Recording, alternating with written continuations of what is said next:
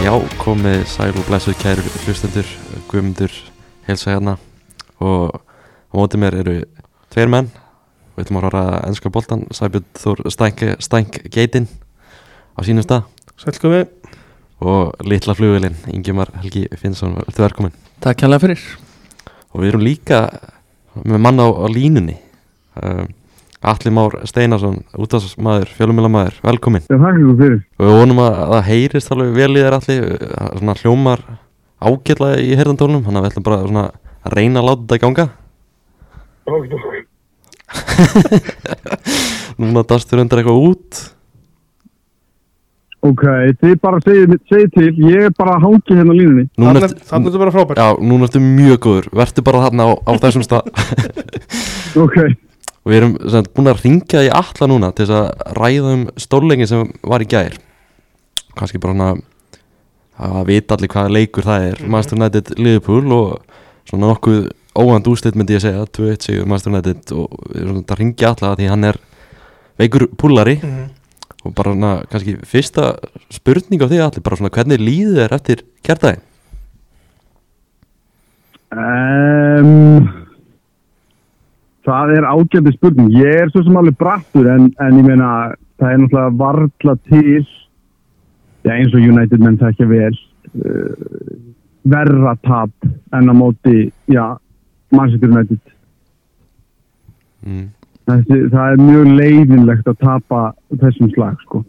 Já En svona, þú veist Hvernig varstu svona bara gýraður á leiðinni í það leik Varstu, varstu bjart sín ég, ég sem kannski svona United maður var ekkert Ég, veist, ég var ekkert rólega mikið að spá í þessum leik að Ég held að þetta er tap sko. Hvernig svona leið þér á leiðinni í leikin Sko, það er náttúrulega kannski auðvitað að tala núna að það hljóma smá eins og maður sé, hérna, hvað segir maður, 2020 in hindsight, sko, það er mjög auðvitað einhvern veginn en ég var að ræða þetta bara hérna því að eitt sætisfélagin í vinnunni er United maður og við vorum náttúrulega að tala um leikin í gær fyrir leik, sko, mm -hmm. og ég var með það á tilfinningunum í gær að þetta myndi ekki fara eins og fólk kannski bjósti eða hjælt eða hvernig sem maður getur orðað það Mm. að því kannski á pappir er eða á blaði er Liverpool með sterkara, sterkari hóp, sterkari einstaklinga en ég hugsaði bara alltaf sko ég hugsaði til tímabilsins sko ja, áratugarins eða hvernig sem það er sko sem að það sem þegar United voru bara miklu betri og voru alltaf einhvern veginn að keppum titla og meðan Liverpool var alltaf í einhverju bölvu ströggli en samt og ég fór á einn af þessum leikjum einhvern tíðan Old Trafford þá var þessi leikur alltaf smá svona súkulæði, það gata alltaf gerst. Sama sko í hvaða form, eða einhvern veginn hvaða lið var í lélegra innan gæsalappa eða hvernig sem það er.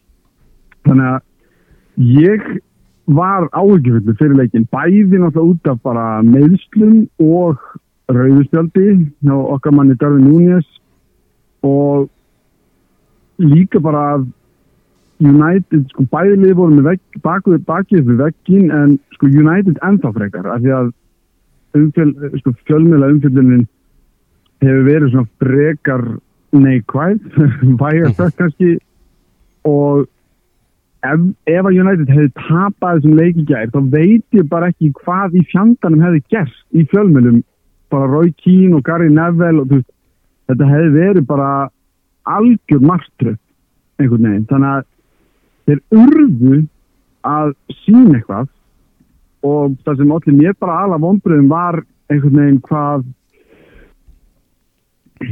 ég veit ekki bara mjög allt of margir í liðbúl litu út fyrir að bara skiljið hvað var í gangi vissu, eða bara eins og vissu bara ekkert hvað væri undir eða hvað væri, hverju væri von á eða þú veist, þetta var var eitthvað svona hálf vandralegt alltaf. Já Það var svona, þú veist, mikið talað um meðsli hjá Liverpool og þannig, þú veist er það aðal ástæðan fyrir þessu slæma gengi í byrjun tímubils eða er það eitthvað annað? Er eitthvað meira í gangi? Sko, við, sko, ég kom nú til ykkar hann ég man nú ekki hvað er langt síðan núna ætla að sé ekki, ég veit ekki, 3-4 vikur eða eitthvað. Já, eitthvað svo leis og uh, þá einhvern veginn bara voru allir heilir og góð stemning og síðan vinnum við City og það er eitthvað svona hann er- hann er jú er að góðkjara skjöldurinn eða community shield. Og þar er svona smá andi í gangi og síðan bara virðist eitthvað að gerast sem að klopp útskýri sem bara einhverja bölvun eða eitthvað að því að, náttúrulega, að það séu tíu leikmenn í hópnum átt í byrjun tímabils sem voru það ekki fyrir sko tveimur veikum er hálf galið um, en ofan á það þá líka bara leikmennir út fyrir að vera bara búnir í höstum það er bara eins og það sé bara einhver svona móða eða eitthvað inn í bara heilanum hann það er bara eins og þeir get ekki þau bara spila svo langt undir getu það er eins og bara síðasta leiktíð sé bara svona einhvern veginn hafa áhrif á þessa. Mm að það, er ekkert eðlilegt að sjá bara til dæmis eins og Virgil van Dijk sem svona, þú veist, jafnvel að þú haldir með eða ekki og kannski, en ég viss alveg að Ríó Ferdinand og Vitic og fleiri væru geggjaðir varnamenn á þess að halda með Liverpool. Að það er bara skrítið að horfa á hann spila núna sem dæmi, sko. Akkurat. Við kannski tölum að þessum hennar leiki í veist, þetta, þetta fyrsta mark sem Jadon Sancho sk- skorar hvað var, varnarleikurinn frá uppáðu til enda er galinn og svo kissuberið og eiginlega á kökuna Van Dijk hann að hann stendur kjör bara með að hendur fyrir aftan bak, þú veist, hvað er að gerast hann Já, það er sko mér finnst einhvern veginn líklegt að það sé einhvers konar fóki þú veist, ég sko eins og að sé, eins og þeir séu einhverju svona mindset eða sé bara nóg að mæta, þeir séu það góðir að þetta muni bara gerast eða eitthvað. Van Dijk er búin að vera í síðustu tveimur, eða þess að núna þreimur leikjum sko meira shaky heldur nokkur tíman áður. Trend sko ég veit ekki hvað er í gangi í höstum og honum af því að eins og bara í markinu að horfa á hann í því marki er algjörlega galið af því að hann er settur út úr leiknum með einhverjum einföldum þrýðning og hann eldir ekki eins og manni inn í teig, hann bara hættir og byrjar að lappa sem tekur hann einhvern svona smá stökk þegar hann sér að Jadon Sancho er bara bókstæðlega einn inn í miðjum teig. Og þetta myndi mér smá á sko æfingarleikin sem fór hvað, fjögur Já, 4-0 0 eða fjögur, já var það ekki, fjögur 0 og, og Mm. það voru svona mörkin voru með eitthvað svona bragð af einhver svona algjöru varnar samskiptaleysi og bara skringilegheitum. Að því ég held ef við minnum rétt að eitthvað mark úr þeim æfingarleik var ekkert ósvipað bara markinu sem Jadon Sancho skoraði. Mm bara menna einhvern veginn bara vita ekki hvað þeir eru að gera teg, þetta var stór, stór fyrirlegt. Ég ætla ekki að taka neitt frá United. United voru bara geggjaðir, þeir voru hungraðir og bara síndu allt sem að Liverpool gerði ekki sko. -hmm. þetta, er svo, þetta er orðið frekar slæmt þegar Marcus Rashford og öllum mönnum ákveðu svo að skora mark. Þannig að ég setja á hrein Já og þú veist, og það var svona það var líka bara svona frekar gott típist Rashford slúk, hann er með svona skota sem hann einhvern veginn nær einhvern veginn, hann er með svona skringilega skoti, hann er alveg svakalegum krafti í skot. Mm. og stuttu einhvern veginn upplöpi og en, en að skapi þá er alveg hægt að horfa á bara hvað í óskupunum Jordan Henderson er að gera í aðdæðanda Maxims Já, af því að hann er hann er eins og í grunnskóla þegar að það var ákveðið í íþróttum að nú ætti að spila fókbalta og þeir sem höfðu engan áhuga á fókbalta voru bara settir í eitthvað lið og þegar boltinn kom að þeim að þá vissu þeir ekki hvað er þetta að gera. Þannig að þeir bara spörkuðu mjög oft bara eitthvað upp í loft eða í einhverju átt og vissu hálfpartin ekki hver væri með þeim í liði og eitthvað svo leiðs Jordan Henderson var nákvæmlega þannig á miðunni ég bara skil ekki hvað hann var að gera. Já veist, þessi og, og hann er fyrirlið liðsins sko. akkurat, veist, þessi miðja James Milner og Jordan Henderson þetta er, svo ertu með Harvey Elliot sem er bara, átjarnar strókur eitthvað, Svona, þetta, er, þetta er svolítið shaky miðja að vera þá, með þá tvo þarna saman. Já, og líka bara, þú veist, ég er aðeins búin að fara yfir það sem einhverjir er að sína stillimyndir af liðs uppstillingunni eða, eða sko, þeir eru inn á vellinum. Mm og það sem heitlaði smá í fyrra var að það var svona dálítið fljótandi taktik í veist, Trent var að, að, að svona, svona slæta inn á miðju og henda og fór þó aðeins fyrir aftan hann og það var svona einhvern veginn fljótandi liðskipulag einhvern veginn, það var alltaf komið maður í mann stað ef einhvern fór út í stöðu og eitthvað en þarna var bara ekkert þannig í gangi. Fyrir mín og eitt í mestum tímanum sko á miðjunni eða bara næstum komin í varnarsina miðjumann. Milner var komin miklu framar en hann alltof oft. Og það var í raun hálf ótrúlegt að fylgjast með hvers óskipulaðir þeir voru.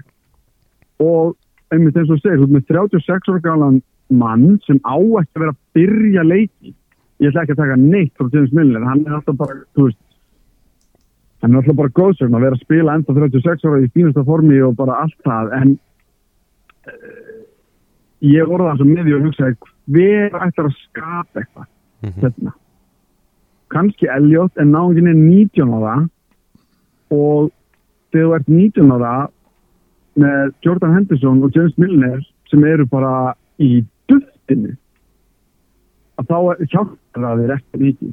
Og síðan alltaf kemur á mótsið það að Trent barf nokkur meginn einhvern eins og Henderson fyrir fram að sig á miðinni til þess að kofvera og Elliot bara er ekki búin að læra það eða, veist, er náttúrulega ekki að upplægi miðjumæður þannig að kannski bara er hann er hann það bara ekki og vera þrýstunum í ykkur stöðu sem hann bara á að vera í. Af því að annars væri hann að reyna að fara í stöðun og sala eða eitthvað en það bara þetta það var bara alveg svo skrítið að horfa á þetta Mm -hmm. og bara pyrrandi af því að United voru bara flottir en Liverpool bara ég, þetta er þú veist, og ég er ekki svona, svona hérna, doom and gloom sko, þetta er ekki bara allt bara til fjandans en það var alveg bara, ég skildi ekki hvað var í gangi sko. og, og þú veist, einmitt ég held að það veri einhver statistík sem ég sá að 15 leikjum þar sem að Henderson og Milner hafi styrjað á miðjunni hafi, hafi við unnið fjóra Mm -hmm. sem segir bara meir en mörg orð sko.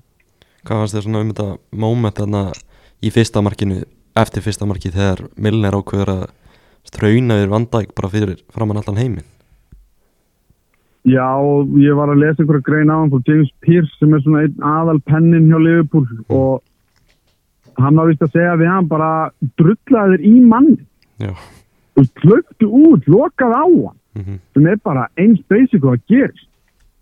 Akkurat. Og þú veist, maður vill hafa Milner inn á fyrir, skilum minna hann er kannski skrokkurinn kannski og geta hann kannski aðeins droppað en hausin á honum er alltaf í lægi þannig að maður vill hafa hann að minna á að öskra á menn, af því að það þarf að þeir eru bara orðnir og ég bjóst ekki við þessu, ekki, þú veist, ekkert að prísísson hvað þá þannig að góðgjara skjöldurinn eða það ekki kynna þú veist, það, það er það sem gerur þú skrítið. Mm -hmm. að þetta er bara einhvern veginn sem bara byrja deildin og við erum að fá marka á okkur við- hvað það er sjöndi leikurinn í gæri röða sem við fáum marka á okkur fyrst. Og við erum alltaf á eldaleikin og líka bara þessi byrjun, hún er bara að byrja leikin svona ótrúlega látt er bara hvað þá á Trafford í þessum leik, það er bara ég veit ekki hvort þessi ég veit ekki hvað klopp getur gert í því, skilur af því að hann, það getur ekki verið að þetta hafi verið upplegg að byrja svona. Nákvæmlega. En svo segir, United, eftir, United voru náttúrulega bara skelvilegir í þessum fyrstu tveimur leikjum og svo mæta þeir bara miklu aggressífur til leiks, veist. Heldur að sé einhver ástæða fyrir er þetta bara síðasta tímabil sem er eitthvað veist, að sitja í mönnum, allir þessi leiki þið spiluðu og allt þannig, eða er, veist, er það eitthvað annað? uh, þú veist, það er erfitt að segja því að maður bjóst ekkert við að, að þetta myndi gerast eitthvað, en manni líður þannig, já, manni líður pínu eins og það eru, þú veist, ég sá liðsuppbyllingu á þann sem var frá 2018 og þeir sem voru þá í byrjunarleginu í liðsuppbyllingu það var sama lið og í gær mínus Mane og Jean Mane Aldum þannig að þetta eru náungar sem eru búin að spila bara stanslaust núna í fjögur, fimm ár. Og allt í henni er tímabili smá að breytast úr kannski endurtegningu á síðast tímabili yfir í eitthvað transition tímabil Mm. þú veist það sem að þessir gömlu að því þú veist það er allt í hennu núna í mana í sæði þættum sem við tölum saman í þannig að hvað miðjan væri sterk hvað væri mikið af miðjumönnum í liðin en núna allt í hennu er þetta bara keita mútt að sér af því að það bara, þetta er ekki lægi Ox er bara meittur og núna meittur aftur í, ég veit ekki hvað langar tíma. Tiago uh, meittur maður veit ekki hvernig það verður. Hendo að spila langt upp í getu og 36 ára gammalt Milner og meðsla pjessi líka í Curtis Jones. Þannig að uh, maður er svona pínu einhvern veginn að breyta finnst mér áherslunum sérstaklega af því að það var frekar mikilvægt að byrja vel á þessu leiktímubili af því að þetta eru einhverju tíu leiki núna áður en að HM verður. Og það var svo mikilvægt að byrja vel og ná einhverju góðu skriði þannig að og fara bara í þetta HM þessa HM pásu svona breyka vel sett. En nú er þetta dálítið svona baróta ég hef einhver áhyggjur af einhver top 4 eða eitthvað, þannig. Ég meina það er kannski ég veit ekki, kannski er það bara eitthvað kannski er ég bara fastur í einhverjum draumaheimi en meina þetta lið er allt og gott til þess að vera allt í við dotti út úr top 4 en þá verður eitthvað að breytast sko varandi hugafarið og, og, og, og hérna hungrið sko Mhm. og það virðist bara vera eins og margir þarna séu orðin mettir eða bara einmitt að þessi vombriði síðasta árs sem eru bara, ég meina hvað eru, tveir og hálfu mánuður eitthvað síðan að þú veist, við töpum úslindarleik meistarlendarnar og uh, deildinni Já, á loka deginu og nú er þetta bara eitthvað svona herði, we go again. Og kannski eru menn bara ekkert almennilega reddi í það eftir frekar stutt undirbúinnstífambil og, og hérna, einhverju asjúferð og, og eitthvað svona sko. en já, ég veit ekki hvað skal segja. Ég bara það var tapið brennir mig ekkert það mikið ég menna þú veist það er bara ala hvernig einhvern veginn holningin og einhvern veginn var og, og núna náttúrulega bara er þarf maður að sjá hvort að það kemur einhver nýr inn Mhm. sem var ekkert bara búið að loka fyrir að það væri verið að fara að kaupa ykkur en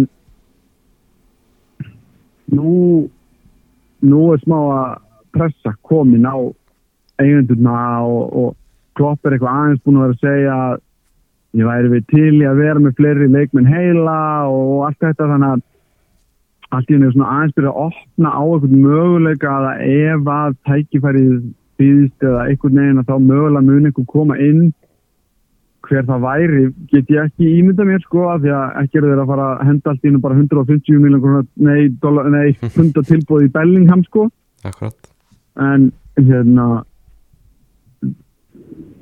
en síðan líka móti kemur að síðan bara gætu bara eftir tvær vikur að þá bara hérna er United búið að spila við hvað er í Southampton og Lester Arsenal og eitthvað og það er náttúrulega mjög United-legt síðan að tapa bara þeim leikjum og þetta er allt komið aftur í eitthvað rugg og, og Leopold vinnur bara veist, þetta er svo fljótt að breyta þannig að maður vill ekki vera einhvern veginn að fara einhver algjör á svartinni en það er eitthvað mjög skrítið í gangi samt sem aður og maður er svona er meira bara vala lægist en maður veit ekki alveg hvernig það mun gerast nema maður senda á alla einhvers konar hóp sálfræði tíma En þú nefnir hann að þurfi kannski eitt leikmann í viðbót. Var það þá bara inn á miðsvæði sem er, er að, þá verið að leiti Já, þú veist að því að við sjáum sko leikurinn í gær hefði verið öðru sem hefði Núniðs ekki náttúrulega tekið þetta rauðaspjald á sig hann mm -hmm. Sem var bara, neina, hann er bara blóðheitur, við tölum alveg um það Já, og hérna, drópseli já, já, bara svona gerist, hann er ungur og hérna hann sænski, sænska gerti hann, vissi alveg hvað hann var að gera mm -hmm. og það er bara mjög eðlilegt. Um, en þú veist, leikurinn í gær hefði verið allt öðru sem hefði verið sóknamaður fremst sem er að íta liðin áfram, sem er ekki að droppa svona ógeðslega langt tilbaka mm Já, og þannig maður að það spilar inn í mm, og náttúrulega og sorry, já, hvað sér svona, í þessum leikum að Master United við höfum séð það kannski í svona fyrstu tveimur leikum þeirra menn eru svolítið að targeta á með löngum boltum sérstaklega hann að vinstra megin. Það með Núnes í, í liðinu það hefðu kannski getað gert það. Einmitt. og þú veist og Núñez á móti sko munurinn á Firmino á móti Varan og Martínez þú veist og Núñez og á móti Varan og Martínez er bara svart og hvít sko. fyrir utan það að Núñez gæti náttúrulega haldið á Martínez af því að það er svo mikil stærðarmunur á þeim. En bara Firmino var alltaf bara að lappa okkur á veggi og hann er allt og veikur fyrir og Martínez er hundur. Bara og ég fílaði við hann og hann bara átt menn, skilur við en ég hefði alveg viljað sjá hann þurfa að díla við aðeins meiri skrokk Mhm. en við höfum bara, það var bara ekki möguleg á því, það var engin annar í stöðinni og auðvitað já, en til að svara spurningunni já, þú veist, þá vantar miðjum mm og maður held í smástund þegar að þegar maður held að Keita væri að koma tilbaka því að hann var bara með einhverja flensu en síðan alltaf bara meiðist hann því að hann er búin til út gleri og ég er búin að vera Keita maður bara síðan hann mætti. En nú er þólinnæðin smá að þverra sko og ég bara, ég geti þetta ekki lengur. Af því að það bara er ekki hægt að halda með manni sem spilar ekki í neina leiki. Og Jones virðist líka að vera með einhverja bölvun á sér. Hann bara nær ekki að halda sér heilum. Og Tiago sem er að mínum að þetta bara í bestu miðum að er í deildinni er náttúrulega bara þú veist því miður. Kannski er maður oft með svona rose-tinted glasses þegar maður er að horfa á þetta en það virðist bara núna, ok, þeir bara eru of mitt og það vantar bara einhvern og ég bara áttam ekki á því að sko, það er búið að tala um Casado hjá Brighton. Það er eitthvað nafn bara sem ég er búin að heyra nefnt. Hún veit náttúrulega ekki neitt. En það er náttúrulega, þú veist, það fer alveg smá í tauganar á manni að hérna, Wolves hafi verið að kaupa hvern aftur miðmannin, Mattius Núnes. Já. Þú veist, fyrir viku síðan. Og einu eru við og þá voru við bara, nei, nei, nei, þetta er bara við hérna, erum að býða og við bara býðum alltaf eftir þeim sem við viljum og eitthvað. Síðan viku setna, þá er einhvern veginn þá er bara einhvern veginn komið bara, við getum ekki stilt upp þessari miðju aftur, hún bara gengur ekki upp. Mm þannig að það verður að koma einhverjana inn. En ég er ekkert sérstaklega bjartinn á að það er mitt endilega gerist sko. Mhm. Var Fabinho bara óleikfær, þú gátt hann ekki byrja leikin eða? hann var bara búin að vera lélugur síðustu tvo leiki og ég held að Klopp hafi bara tekið ákvörunum að bencha bara út af svona temmilega ég, ég er einn mest í Fabinho maður bara á Íslandi eða eitthvað en hann var, hann var búin að vera smá eitthvað raukaður og hann er greinlega einhvern veginn að reyna að ég veit ekki minna, Maguire hafði mjög gott að ég held ég að fara í frí og ég held að mjög margir hann að þú veist, hefðu gott að þið farið frí. Það væri óskandi að, að Ramsey sem að var keiftur í stað, í, sem backup fyrir til dæmis Trent myndi, sko, ef hann væri heill og þá væri bara hægt að shipa Trent út bara líka fyrir smá svona sjokki sko. Mm. bara dætt út úr liðin bara eru sorry vinnur þú bara, hérna þú bara, hérna ert ekki standaði, sko. En akkurat núna er bara svo tunnu 13 í liðin að það bara er ekki hægt sko. þannig að leikmenn sem eru bara í mjög lélegu formi eru bara að spila þær aftur, aftur, aftur Við erum með einn grjótarðan púlar hérna á skrifstónu hann er mikið búin að tala um Bruno Fernandes í dag hann er mikill Mhm. bastarður og gerpi og eitthvað uh, hvað svona finnst þér um Bruno Fernandes eftir leik gertagsins hann er náttúrulega bara bastarar og gerti sko.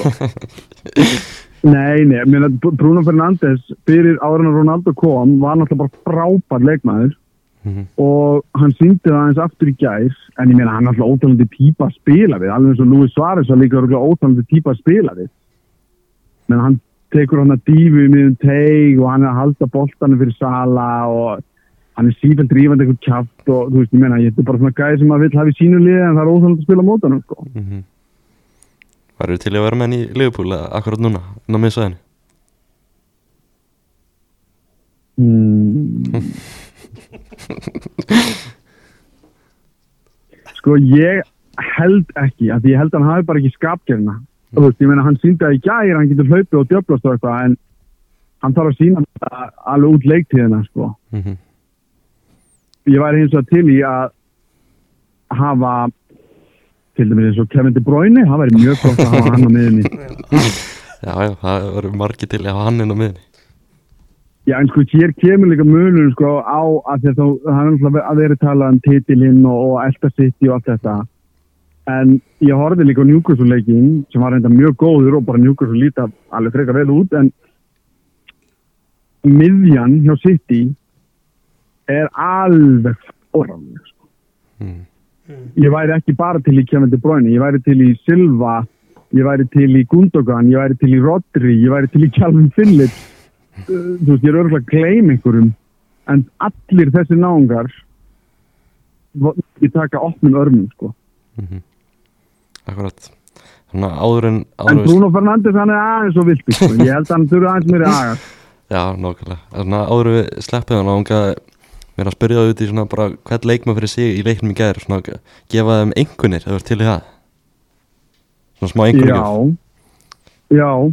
Og byrja ég bara að vaði í þetta? Já, bara vaði í þetta. Bara Alisson, hvað myndir þú gefa honum fyrir leikin í gær? sko ég ætla að setja meina, hann var, hann frekar svona léla dreifingu, sendingar, mjög skrýtna sendingar stundum. Mhm. En ég myndi segja svona solid sjö, hann bjargaði líka að við bara töpuðum með stærra meina, varsla frá eh, Eriksen og varsla frá er ekki Rashford eða eitthvað þú veist, hann á nokkar vörstu sem eru bara frekar þjættar og, og það er ekkert hægt að setja út á hann, ég meina hvað hann að gera í Sancho markinu? Ég meina gæti að marka með Rashford? Kannski en ég meina þetta var bara fínt slútt. Þannig að fín sjö á hann. Trend ætla ég að gefa Ég ætla að gefa honum bara svona solid þrist uh, eh, Gómez Þú veist. Nei, ég fíla Gómez. Ég bara, hann, er, hann er komið sér í leikform. Timma á Gómez Van Dijk fær svona fjóra. En það er ala bara því að hann hefur sett svo há hann standað á sjálfan sig sko. Uh, Robertson Timma 5 til 6 og hann, hann alltaf með baráttin, hann, hann var lítið að fretta hann hjá hann ég veit ekki hvað ég á að gefa. Ég meina Elliot, ég hef ekki að gefa hann góða 6, hann reyndi eins og hann gæt hendur svon frist, Milner fær 5 fyrir baráttu. Lúi Stías var örglega einna bestu leikmannunum til okkur. Til Jónus Sjöfór Epport Firmino, ég veit ekki, 4-5 Sala fimm, jú, sex fyrir markið en annars sást hann ekki en það er miðin að kenna svo sem. Mm, og þú veist, Fab var betri enn hínu þegar hann kom inn á og bara betri Milner og Henderson. Ég vil sjá Carvalho spila meira það er ekki eins og sem, ég- af hverju ekki. Hann var lively og hérna einhverju utan það var þetta bara bara mjög slappur leikur. Mm -hmm. svona ó- í heilt yfir sko Hvernig bara svona að lókum bara hvernig líst þið bara á framhaldið Þú veist, tvö stið eftir þrjá leiki e- eitthvað sem svona engin bjóst við Hva, hvað segir þú, hvernig líst mér á framhaldi? Já, bara, þú veist, ertu, ertu ennþá bjart sitt bara fyrir þessu tímubili? Mm, sko, ég er svona mikið búið að, búin að debeita sko hvort að ég sé bjart sín eða bara veruleika fyrstur. en sko, ég get ekki annað en reynt að vera bjart sín og reynt að halda að þú veist að það sé að ég held í alvörni að þegar að núni skemur tilbaka og hann Sala og Luis Díaz helst að ef að Jó- Shota kemur tilbaka líka að þá er þetta lið sem getur skorað mjög mikið af mörgum vörninn þú veist þetta er svo erfið spurning. Beint eftir þennan leik. En ég er búin að breyta allavega bjartsinunni yfir í að ég held að þetta verði ágætist tímabil. Ég geri ekki ráð fyrir einhverjum titlum endilega. Uh, en ég held að þetta verði ekki hörmung. En, en þú veist, ég vil ekki ég er áhugið fullur um Bjartsin, ef ekki að segja það mm. Er einhver álu á þessu sjönda ári á klopp? Sá, ekki á hann að það gerist með Dortmund líka svona vandra á sjönda árun já, einmitt, ég var líka að lesa eitthvað um þannig mm. Nei, fjandinn hafi það, hann var ekki að gera hann samning. Ég held bara að, veist, uh, þetta er bara eitthvað svona transitional dæmi Mm og, þú veist, þetta mun koma. Van Dijk er ekki að fara að taka tímabil þar sem hann er bara lélegur allt tímabili. -hmm. Fjandinn hafi það, ég trúi því alltaf. Nei, það er allir bara takk kærlega fyrir að taka síman og góðan dag Herðu bara, takk fyrir sömulegis. You know, áfram, áfram, takk. Heyrumst, bye Ok, bye. Já, þetta, þetta tókst Þetta hafðist. Já, hafðist. það er svona létt yfir púlurum í dag. Það er Gott að heyra. Já, stráka, bara svona, hvernig fannst ykkur þessi leikur sem var í gæðir? Já, já, Uh, slakk með þessu. Já, ég horf á hana leik, það er bara afskaplega, afskaplega gaman á honum og ég hérna tek svona undir með alla um, hann sagði svona margt sem ég var búin að hugsa. Uh, ég fór svona aðeins að hugsa með bara liði og liðupúl og mér fannst þeir svona heldur kraftlausir mm frá það við bara fyrir, þú veist, segjum í fyrra og hitti fyrra og árið þar áður þá hefur alltaf verið svona mikil, mikil kraftur og, og hérna í liðupúl og mér finnst bara auðvitað er þetta eitthvað, e- eitthvað tilkomið vegna meðsla en ég var svona að skoða hópinn og svona mér finnst eins og fyrir mín og er einhvern veginn skugginu sjálfum sér og það vantar allan kraft í hann. Uh, Jordan Henderson, þú veist hvað hann er 89 model, nei hvað er hann 91 já hann er 30, 31 ás mm. Og hérna já það er að tökja þá, nei ég man það ekki. Já, já. 90 mótum Tiago er líka Hann er 90 mótil já, já Tiago er 91 já, fyrir ekki. Mér, og það er svona ákveðni póstar í þessu liðbúliði svona sem er bara farin að gefa eftir finnst mér líkamlega. Mm og hvað það er, þú veist, auðvitað einhver aldur og auðvitað mikið ála bara sístu ár í, í þessum X-fókbalta sem að e, Klopp vil láta liði spila og ég svona velti fyrir mér hvort að þeir, síðan þeir fóri að kaupa svona einn og einn svona stóran hér og þar, hvort það sé bara reynilega nóg mm.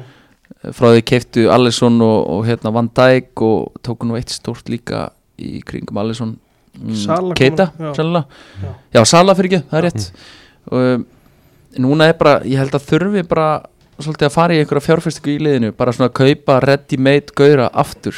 Mhm. um, og kannski ekki, þú veist, þessi stóru stóru kaup eins og við erum að tala um 70-80 miljonir heldur bara að finna einhverja gauðra sem passa inn í mótilið hvort sem þeim kosta 20 miljonir, 30 eða 40 sko. Um, en það er svo aftur annar vandamál að hérna, maður hef, manni hefur fundist klopp aðeins verið að hnýta í eignarhaldið í eitt er ekki FSG Mm Jú, jú. það er svona uh, á blaðmannafundum hefur hann aðeins svona verið svona að senda svona léttvæðar pillur hið minnsta. Þannig að hérna auðvitað vantaði Darwin Núñez og vantaði X og, og hitt og þetta þú veist pressin hjá Firmino í gæri var engin og þú veist mjög auðvelt sennilega að líta vel út eins og Lisandro Martínez leit vel út í gæri og ég reyndar hef tröll að trúa þeim gur to be honest. Mm. þannig að hérna já, engin pressi í honum, þú veist Milner er bara búin að missa meter uh, ég veit að Henderson er, skiptir svona fanbase-inu á Liverpool svolítið í tvent og hérna margir sem hata hann og margir sem bara dýrka hann eftir náttúrulega frábæra þjónustu síðustu ár en, en hann, mér finnst hann nefnitt svona, hann hefur gefið eftir líka. Manna, og, og svo finnst mér Virgil van Dijk ekki vera líka sjálf sér í upphæðu leiktir Mm. Ég var samt að fara í það sem skiptir öllu máli. Hvað? Það er bara hvernig mannsturinn þetta mæti til leik já. síðan að blessa það leik. Já, svo er það þetta. Við, Það er náttúrulega hefur öll áhrif á leikin Mm já, Þeir bara mæta með Kassan út allt í gangi líka. Já, Stemningin er með þeim í stúkunni Þeir eru svona elektrik inn á vellinum Mm. Mikill hraði í liðinu og þetta var svona Það var allt annað United lið heldur en Mhm. hefur sést bara. Sá, sá líka, stuðnismenn voru heitir eftir móðmælin fyrir leik. Já, það var hitið á vellinum og þú veist, eins og ég segi, þetta er, það er bara ár og öld síðan ég sá svona byrjun á leiki á United sko. mm Já, þeir náðu líka svona að halda þessu intensity frekar bara lengi og, og þetta kom í svona skorpum. Þannig að hérna Já, mér, mér leist mjög vel á það og maður sá auðvitað í tölfræðin hlaupatölum, ég meina að þeir hlaupu 95 km mótið Brentford. Mm. eh, 113 km Já, þú veist, þið sjáum það, það er, er, þetta eru 17-18 km sem munar og Mm. það er næstu bara tveir leikmenn. Er auðvitað, auðvitað geta leikinni spilast þannig að hlaupatölur bara svona reflekta ekki alveg effortið en þú veist, þetta eru þannig, þannig tölur að, að hérna, effortið var greinlega mun, mun meira í ger Mhm. en þú veist bara þessi leikur í unandið bara hvað gerði Erik Den Haag á æfingarsænu þú veist faraðu því að tapa 4-0 á mútið Brentford í því að vinna Liverpool? Bara þú veist eitt besta lið sem maður hefur séð í hans skúrastelni 2-1 Mhm. kveikir, kveikir greinlega alveg á mönnum og færð á svona til þess að hugsa um að þeir þurfa að taka ábyrða því sem þeir eru að gera. Mhm. sem að greinlega virkar í þessu leik. Ég var virkilega ánæður að sjá að það er alveg hægt að sitja bara með hvað er að sjó á bekkin Mhm. og Ronaldo. Já, já, og Ronaldo, ég hugsa alveg fyrir leik. Já, ég vil, þú veist Rashford líka en það er, það er, ekki, það er ekki endalist að mönnum á það, Martial var ekki orðin 100% og svona? Það er líka, líka Garnaccio bara er að akkurat, það, er, það var það er ekki að segja neitt annað heldur en þetta að vera hárétt liðsval bara fyrir leik Mhm, Þetta eru Ten Hag hann skelli bara reyðunum á borðið hann að vera leik og tók Maguire og Ronaldo út Já, það er ákveð, ákveð stórt ég, veist, ég, ég hugsa að hérna þessi Ronaldo að verði einhvern veginn að fara að enda e, e, Þú veist, eru þið ekki báði United menn? Jú, Myndu þið ekki bara vilja að hann færi núna Jú. fyrir glukkalokk? sé tölum um það eina síðast það Já. bara best, maður sá það líka bara í gær að liðið er, er bara betra án hans. Já, og ég, mér fannst ein- einmitt, ég hjó einmitt ákvaða að fylgjast vel með í gerð eftir að hann kom inn á, veist, hvernig vinnu framlega hans eði Mhm. Mér fannst það ekkit eitthvað frábært, sko, og ekki svona body language veist, Það er kannski það líka body language sko, ákveðin presence í klefanum, veist, ef það er fíla þá er það bara alveg fíla sem smittar út og allt þetta, þannig að ég, ég hugsa að Erik Ten Hag þó hann sé að segja að hann vilja halda um okkur, ég get alveg trúið að þeir myndi alveg vilja svona, ef það er hægt, Mhm. lo, losna við hann Mm, þetta er náttúrulega mjög pólitísk stjórnlega hvernig stjóri þarf líka að haga sér bara þú veist, hann getur ekki sagt hvað sem er um Nei. Ronaldo sko. Nei og það er einmitt kannski erfitt fyrir Erik, Erik Ten Hag sem er að koma í svona risa með Ajax sem er auðvitað stórt gig líka en að vera með þetta líka hangandi yfir sér í allt sumar veginn og kannski ekki á að geta sagt það sem hann bara hefur viljað segja Mhm. og hvað er núna Ronaldo hefur vil- einmitt verið að tala um hann ætla að segja allan sannleikan hérna eftir Mhm. einhvern x tíma þú Ég veist. til í að vita hvað það er já, veist, hvað, ég, já, en allt þetta bara einhvern veginn þetta er ómikið förs í kringum eitthvað sem er ekki fókbalti Mhm. Þannig að hérna en já, bara efforti var, var sannlega til staðar og þú veist, auðvitað er einhver faktor þú veist, kvöldleikur, mótmæli þetta er Leopold, þú veist, þetta var allt að smetla bara stjörnundar röðust þarna upp Mhm. Þú veist, það verður frólægt að sjá þá þeir mæta hverjum næst söðu Sáðantón lögadaginn held ég. Já, þú veist, þeir að mæta á söðuströndina þú veist, það verður frólægt að sjá hvort að þú veist, kannski ekki sama intensity en þú veist, ekki verða eitthvað til skammar þú veist, Ekki vera línir aftur. Nei, einmitt, og þú veist, ef þeir geta bara unnið þannleik og kannski þá geta þeir í alvörinu fara að byggja eitthvað án á sig því að hópurinn er kannski ekkert algalinn eftir að Casemiro hann inn. Og Minnist, Martial og Meislim já, Mhm. minnist á Casemiro kynntur hana fyrir leik. Mm. Svona skemmtilegt moment hana Mætir hana með treyjana og svo knúsar hann Roy Keane. Já, það, það er ekki hægt að skrifa þetta fallera í rauninni sko. Uh, Já, ég hlaka til að sjá hann. Ég er svona uh, hafið þið góða tilfinningu fyrir þessu? Ég, ég var svona, ég fannst það pínu skrítið fyrst Ég- Fyrst bara skildi ég þetta ekki bara af Já. hverju erum við búin að vera að orðaði við hinn og þessu og svo já, neglum bara 60 miljonum Mm. í Casemiro en það er, það er eitthvað hann að Ég er hann spennt fyrir þessu já, hann er, þú veist, hann er þrítur hann, er, hann hefur aldrei verið eitthvað þekktu fyrir að vera eitthvað raður Nei, Mm. það akkurat er svona spurning bara hvernig hann áttur að fytta inn í Ég er þetta svona verið að hugsa þetta og þú veist, þetta er bara akkurat leikmaður sem vantar í þetta Jónetli bara svona smá stála á miðuna tæklari, þú veist, góður að skila frá þessu boltanum veist, akkurat, þá getur, þá getur Jónat kannski verið með veist, Fernandes og Eriksen hann fyrir Já, fram hann þarf alvöru vinnu menn fyrir fram að sig sko, Já. af því að sem tengja bæði þessu sóknarlínuna við, við, við hann sko. og sá að Fernandes getur gert það sko. Já, algjörlega. Já, hann var ekkert eðlilega tölur Mhm. Ég ætlaði með þetta að fletta upp hlaupatölum Vitið þið hvað hann hljópið það? Hann hlýtur á að hlaupið mest í ég, gær. ég, ég, Ég trúi ekki öðru sko. Já. hlaupið nokkra kilometra sem 113 hann í gerð það var Já. líka, einmitt, að því að komin að Ronaldo svona language þessi sem voru að spila í gær þeir voru, þeir, þeir voru ekki svona innstildur á það ef, það sendi ekki var ekki akkurat á þá að fara eitthvað að pyrra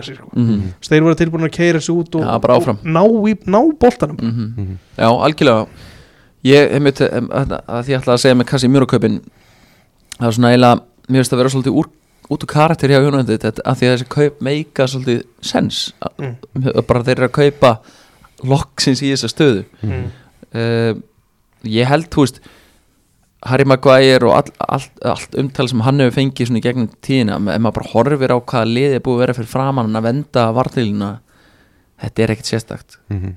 Akkurat. að það, veist, það verður allt annað fyrir hann að hafa kannski Scott McTominay mögulega og hérna Casemiro þar. Mhm. og þá vera bara með ykkur að, þú veist, Eriksen, Bruno hverja sem er hann fyrir framann en, en að venda miðverðina er helviti mikilvægt í, í fótbolta þannig að hérna, Ég held að það sé fáir betri en Casemiro nefnilega sko. já, ég held að það sé hárið Já, Margi sem voru að tala um það í gær eftir hann leik að maður stannlega þessi komið nýtt meðvara bara já það er svona það er teikn á lofti um að þetta getur bara virkað en, en í þessu leik eins og, eins og kom fram í spjallinu við alltaf þá þurfti svo sem ekki mikið að vinna í loftinu hjá Lísandro Martínez Það er ágefn en þá það er, þú veist, það ofta að testa það aftur bara, mm. Mhm. þú veist, og Malasja kemur að inn hliðin honum, Mm. þú veist, kannski er það hjálpunum líka Hann er, hann er pín lít líka sko. Lið geta ennþá targeta Akkurat, þessi, þessi faktor í loftinu er ennþá stórt spurningamarki sko. Ég sá það með Martínez samt í gær hversu mikill karakter hann er hann er rosaleg sko. Já, það er svona baráttugleði í honum og hann er tilbúin að fara til návi og veist, alveg tilbúin líka að láta menn heyra það, sko. mm ég fíla þetta. Mm. hann er Suður amerískur svona smá, smá djöfull í honum. Já, Kristján Romero. Krist- að hann er Kristján Romero Svona- típa. Hann er minni útgáðan af Kristján já, Romero aðeins minni, Já, vasa útgáðan já, bara- Ég sá það kannski bara í þessum leik að hann, veist, hann er góður í flestu öðru en hann er bara ekki með hæðina. Mhm. það, það, það getur verið vandamál í ennska bóltan algjörlega, það áttur að testa það og segja aftur, það var líka þegar við rættum að, að þú spyrir hann út í Bruno mm -hmm. það sem ég fíla að vera með fyrirlega sem er ekki svona, svona virkar ekki alveg eins mikið sam og Harry Maguire hefur verið svona mm síðan hann tók við a- Bruno er mættur að tuði yfir öllu og, -hmm. og böggast í öllum og heldur á boltanu þegar að Liverpool minga munin skilur þetta, ég fíla þetta sko. Það verður að vera smá, verða að vera ekki bara smá hellingstælar í þessu líka sko. mm, já, algjörlega, ég, hérna þetta moment þegar hann tekur boltan hann það var, maður fann það bara sko hvað leifbólmennum var heitt í hamsi þá sko. Já, já, og þú veist, það alveg geta enda með einhverju, einhverju meiri látum ef að, þú veist, það, þetta, hann hefði náð að halda boltan með hans lengur eða- en hérna mm, já, ég allan í gær, ég átti allan að mér ást Bruno alveg verulega impressiv í gær og svona einmitt bara meira vinnuframlega, meira svona einmitt eins og þetta band einhvern veginn gaf hann með einhver, einhver aukna orku eða eitthvað, Mhm. þú veist allan að ábyrra tilfinningu og, og svona hann, hann bara það vel mm ég var á Ölveri í gær og mm. svona kannski skemmtilega að segja frá því að þegar það var summerað á Maguire á bekknum þá var klappað. Ég held að það veri ekki meir að það var ekki bara United menn sem klöppuð sko. menn höfðu Já, svona bara allir hafa Það er gaman svolítið að að þarna sér maður líka bara hversu mikilvægt það er fyrir maður að þetta hafa Rafal var hann heilan já, bara Tjóðið var hann góður maður ég sitt bara þá spurningum ekki að hann byrjaði ekki bara fyrsta leik sko. Mhm. en það er, það er ekki að breyta því núna mm. Nei, það var kannski aftur að því að hann var búinn að kaupa hérna, sinn mann frá Mm. Ajax og, og svo var hann auðvitað búinn að gera Maguire kaftinn hérna, fyrir um sumari þannig að Já. kannski svona spilast þetta bara þannig jú, jú. Ég hef aðeins velt fyrir mér akkur United hefur, ekki- fær ekki í þryggjamanna línu mm. Þeir eru með hópin einhvern veginn í Þeir að eru- gera það Þeir eru með allan að, þú veist, varnarlínu er á, að, þú veist, fyrir hafsendana en svo svona finnst mér kannski hvort þú farið þá í 3-4-3 eða, eða þú veist, það má kalla það líka 3-4-1-2 Mhm. mér svona, mér finnst hópurinn að þyrta aðeins að adjusta hann, mér finnst hann ekki alveg nógu balanseraðar í, í, í slíkt já, það vantar ennþá finnst mér líka alveg bara lífslöðsilega hægri bakur í þetta já. Mhm. það er eiginlega þú veist, ég, ég sá það, í gær af hverju kannski Malasja var tekin inn þú veist, sjó vantaði alveg klálega ennþá meiri samkeppni heldur en Telles mm. en Diego Dalot er ekki það er ekki, það er ekki alveg nóg Nei, Nei og þú veist ef við förum að ræða það ég meina wingbacks í dag eru bara rare Mhm. við sjáum Tottenham eru búin að reyna að finna mög, hægri bakur, hægri wingback þú veist núna í ég veit ekki hvað að segja, tvö ár Mhm. og leitin stendur svona ennþá mögulega yfir en það hafa eftir að koma í ljós hvernig Jet Spence kemur inn í það þegar að framlega stundir. Kieran Trippier. Já, það var eitt draumakostur. Já, þú veist, þá er þetta bara ég vildi alltaf fá hann í júni Já, já, Já. ég, ég, það hefði alveg verið góð kaup en þú veist, aftur á móti, hann er, hann er 31 stökkjara, Já, þannig að þú ekki framtíða pæling þetta er engin framtíða pæling mm. Stakka til í að taka engunir United. Einhverju United. Já. Uh, DG bara, hann- þetta var hans bestileikur mm. í, í vetur Í- sem er, Já, tímbil Já, segjum vetur, þetta er að verður svona frasi í, vetur. Uh, Ég ætla að gefa honum bara átta, ég var að fíla. Hann. Já, hann góður. Svona gott, gott, gott presens á honum. Mm. Daló fær svona bara 6, bara solid. Mm. Var hann flottur 7 Martínez 8 fílaði, fílaði mitt svona smá djöfli í honum sko. Mm. Malasia 7 líka, bara mjög fín Bruno 8 maður leiksins, bara geggjaður sko. Kækjaður og hvað, hverju voru með honum McTominay. McDominay var bara mjög svona solid hann var ekki mjög ábyrjandi samt Nei, sem er kannski það góða það er eiginlega besta sko. Þannig viltu hafa hann Já. Eriksen hann var líka, hann var svo, bara 6-7 hann var líka eitthvað með bara ekki droslega ábyrjandi McTominay 6 Já. 7 6 á McDominay, líka 6 á Eriksen Mhm. og svo Er langa er langa hann færði það dauða færi sko. Já, hann að en vinstan í honum líka er bara ótrúlega mikilvæg faktor en þú veist, í, í engun gefi honum svo bara 6 Mhm. bara þú veist, dugnaðurinn fyrir það sko.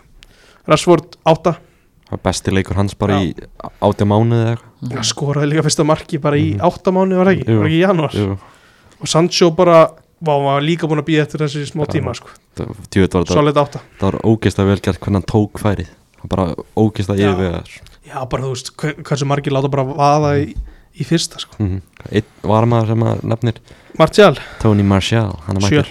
Já, hann var bara virkilega góður að halda upp í boltanum og á hann ekki stóðsendingunum líka? Já, hann var stóðstinga Sendur hann á hár eftir tíma Smá spurning með rángstuð en já, það var, þessi sjónaröð sem var að bjóða upp á, var þetta rosa skríti sko. já, ég veit ekki af hverju þeir eru að bjóða og af hverju þeir eru að sína okkur þess að þeir eru að vinna, í- vinna í þessu sko. já, ég einhvern veginn ég er bara orðin þannig að mér finnst bara svona þegar þetta er svona tæft Mm. þá, er Bara ég þá er ég bara til í mark ég er bara orðinn svo ég vanur sammála sko. Ég er orðinn svo vanur var í ennskóruðinni að ég held að ég var að fara að dæma þetta af sko. Mhm. Það eru einhverjar öðruvísi áherslur í ár já, það er, það er hérna, þetta er búið þykja línunar Mhm. er það ekki Mm. og að þessum átt að gefa þessum sóknarmönnum ex-benefit of a doubt eins og eh, hvað getum, se, hvernig segir maður á íslensku Hvað- Eh, njóta já. hérna sem er bara gott að blessa en þú veist, allt svona sem þarf að teikna niður í þaula ég man að Arsenal var teiknað eitthvað Tottenham, þú veist, Mhm. maður hefur séð öll liðið svona missa 1, 2, 3 mörg í einhverjum teiknipælingum í tvær mínútur ef það tekur tvær mínútur að reyna að teikna þetta upp í einhver rángstöð þá á bara að vera mark mm -hmm.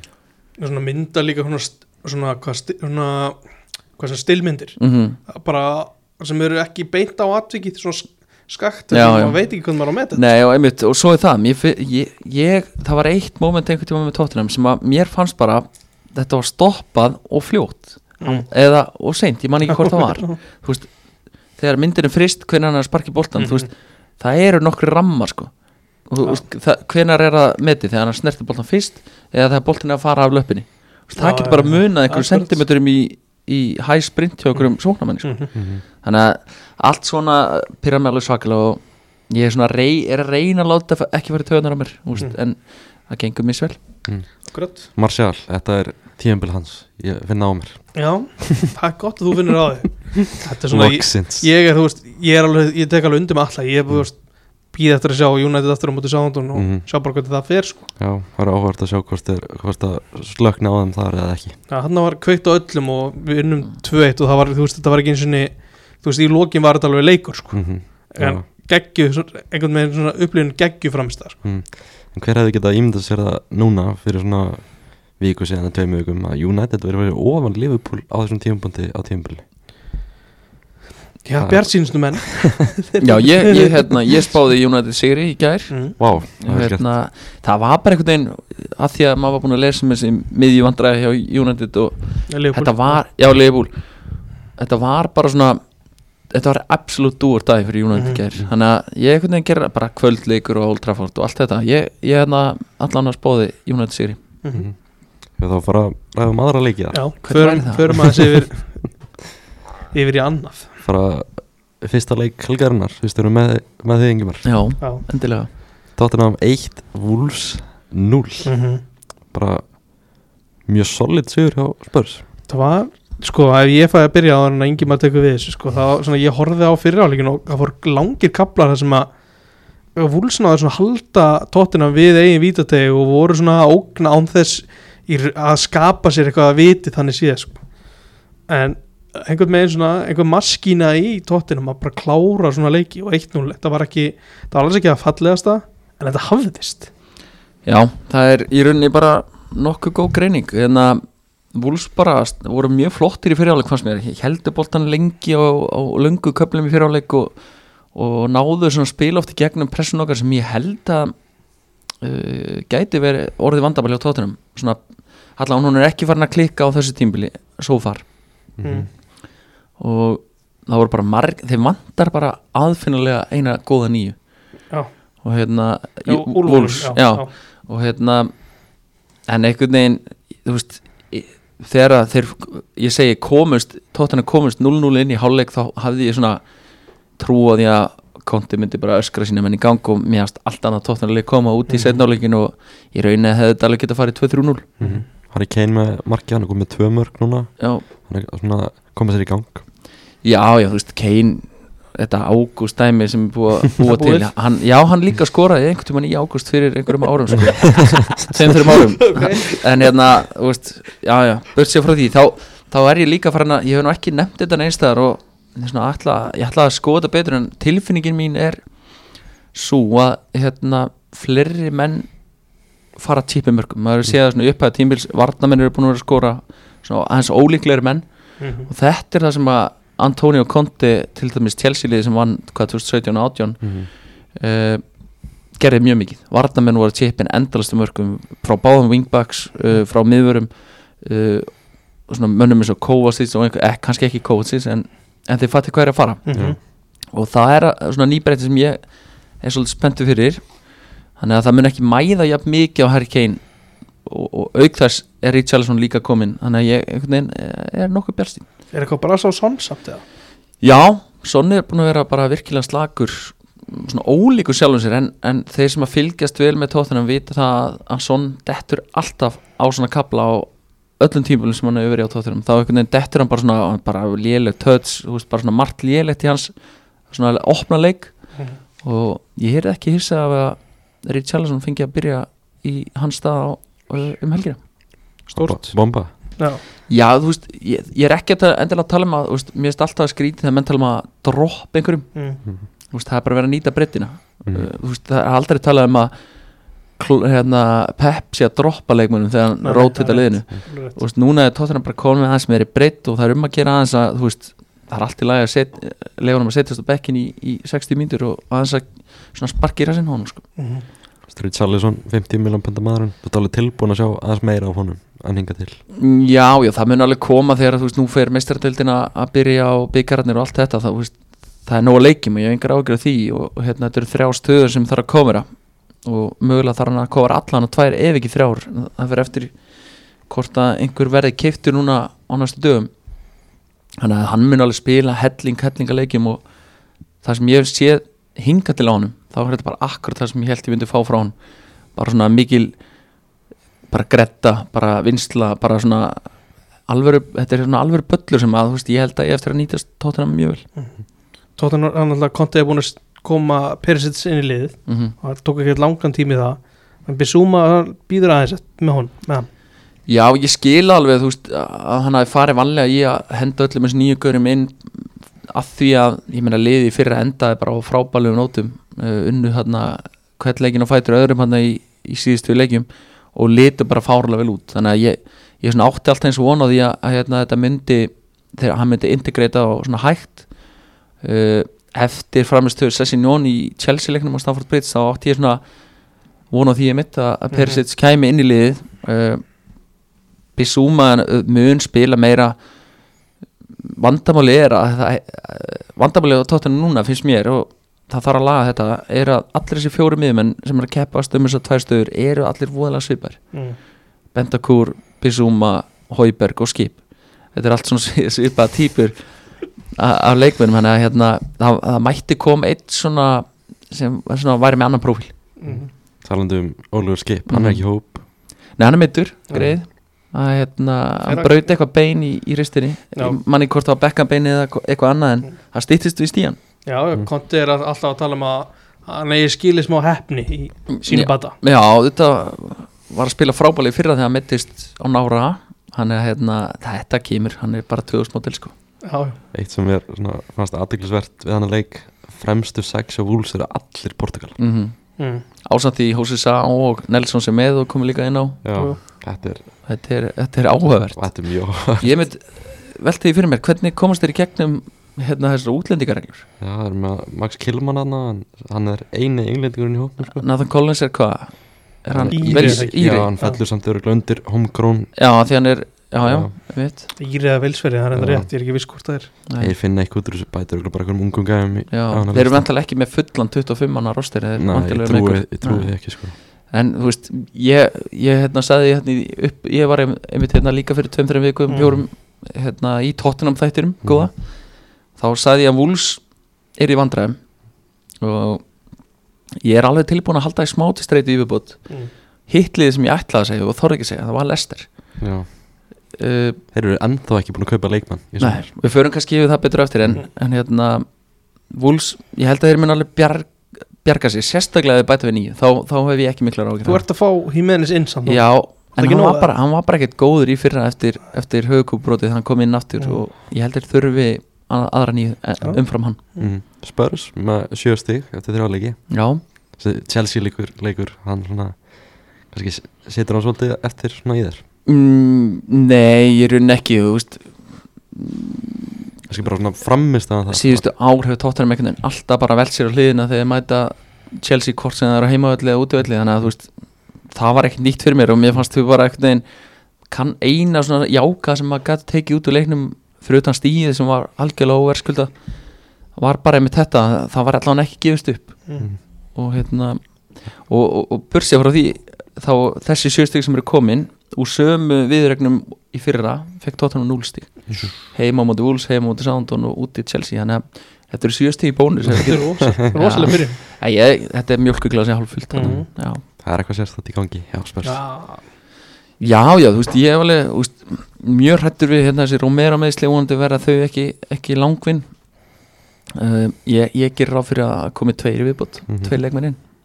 Kontin að vera að segja það ef einhver eru seldur þá verður kett í staðin eða Já. einhver verður látum fara. Já, það er náttúrulega orða bara það er slatt að orða í burtu. Já, það eru, það eru nokkri eftir sem þarf að koma í burtu. Á eftir, hvað, þú sjáu hver eru farnir Joe Roton og Los Els og Endon Bele og, og einhverju fleiri sem ég kannski man ekki Mhm. alveg eftir. Uh, þá er Harry Winks Reguljón sem að konti verist ekki hérna sjá sem asset. -hmm. og ég er að gleyma minnum Brian Hill er að fara Brenn Hill er frá láni reynda bara Mhm. og, og svo hérna Jafet Tanganga. Tanganga, Já. hann fer sennilega til Milan eða Nottingham Forest. Já. Það Já, Reykji Ljón var orðað við Nottingham Forest í dag. Já, einmitt, þannig að það verður nóg að gera næstu, Já. hvað er að vika eftir eða eitthvað sluðis Milan eða Nottingham Forest þú veist, hvernig er Nottingham Forest ekki að reyna að kaupa? Já, akkurat, maður er hættur að kýpa sér upp við það. Stórfyrirlegt dæmi í gangi þar. Leikin er kljóðan tvö þannig á lögadaginn fjóri leikir. Mm -hmm. uh, hvað skal byrja? Krista Pallas, Aston Villa, 3-1 Já, ég horfði á hann. Já. Steven Gerrard maður. Það er bras og Aston Villa. Það er bras. Já, þeir eru einhvern veginn Ég veit ekki alveg hvað er hægt að segja um þetta Aston Villa Ég kannski vil frekar eða orkunni að tala vel um Krista Pallas því að mér fannst þeir alveg reikala skemmtilegir á köflum og við erum að greinlega að gera helviti gott mótana ég er bara búin að breyta þessu liði algjörlega Mhm. frá því Rói Hodgson svona hvar og braut og Já.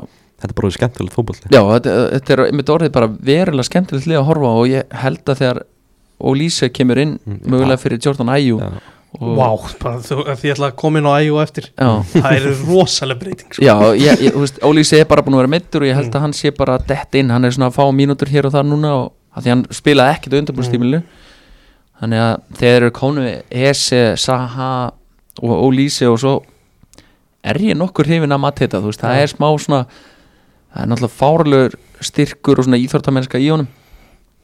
Ég held að hann sé betur en Oddsson Edward. Ég held að Mateta sé betri að spila þú veist, einn upp á topp. Mhm. ég held að og Eduard þyrfti alltaf að hafa einn með sér í, í, í, í slíkri í þessari deild allavega. Þannig að hérna, að- bara geðu gaman að horfa á þetta lið. Mjög gaman, einmitt og það sem að, að þú komst inn á æg og það er svona leikmann sem ég er alltaf svona hugsa hvernig er hann alltaf ennþá inn á mm, Mhm. það kemur, kemur svo lítið frá honum. Já, ef þú færð og lýsið fyrir hann þá er þetta ekkert eðla spennandi. Já, ég sammála því. Og Tyrik Mitchell hérna, mér, finnst hann rosalega flottu leikmaður. Mhm. og hérna já, ég veit ekki, þú veist, ok, Joel Ward er ekkert flottast þegar hæri bakkur er heim en, en þú veist, þetta er, þetta er virkilega ga, mér finnst gaman að horfa á þetta línu mjög gaman. Og þessi manna skemmtilegasti leikmaður til að horfa á það er Ebere Ese já, djúvilega gaman að horfa á alvöru, alvöru skemmtikraftur og, Mhm. og svona og hann og Ólís er ekkert ósvipað leikmenn úst, bara, þetta eru töframenn mm gaman að hafa eitthvað töframenn í svona liði Já. sem var drefleðilegt á Rói Hodson tíman Mhm. Þá varstu með Saha og vonar það besta sko. Já, svolítið þannig. Saha hlaupa frammi og eins og segir bróna það besta. Mm ég verði að viðkynna það þegar að við erum á ráðin þá held ég að þetta er bara annar hérna Frank de Boer. Ég, Já, ég held, ég var með þá tilfinningu já, líka. ég held að hann er bara farin innan tíu leikir sko. Mhm. Já, hann- er bara ógist að lótur já, mm Og- og kannski smá var þetta vilja kom mér, á óvart að, að hérna, byrjaði með Watkins og Ings síðast. Mm það virkaði, þú veist, vinna í Evertón breyti til, fer í einhvern megin hvað, fjóri, tveir, þrý reytni eða eitthvað, Já, þetta var þú veist, þeir skora snemma en Mhm. svo er bara brass. Bara þetta hrundi eins og spilaborg. Já, já, hann var í 4-3-3 í rauninni sennilega í þessu leik já, með já, hérna Líon Bailey á hægri kantinum. Mhm. Já, hann er með þá búin díja fyrir framann þessu tvo hann á miðinni, Já, það er ekki Nei, ég, Hann var hann ekki að spila svolítið hann vinstra minn. Já, ég held það allavega. En- Continue á bæknum Já.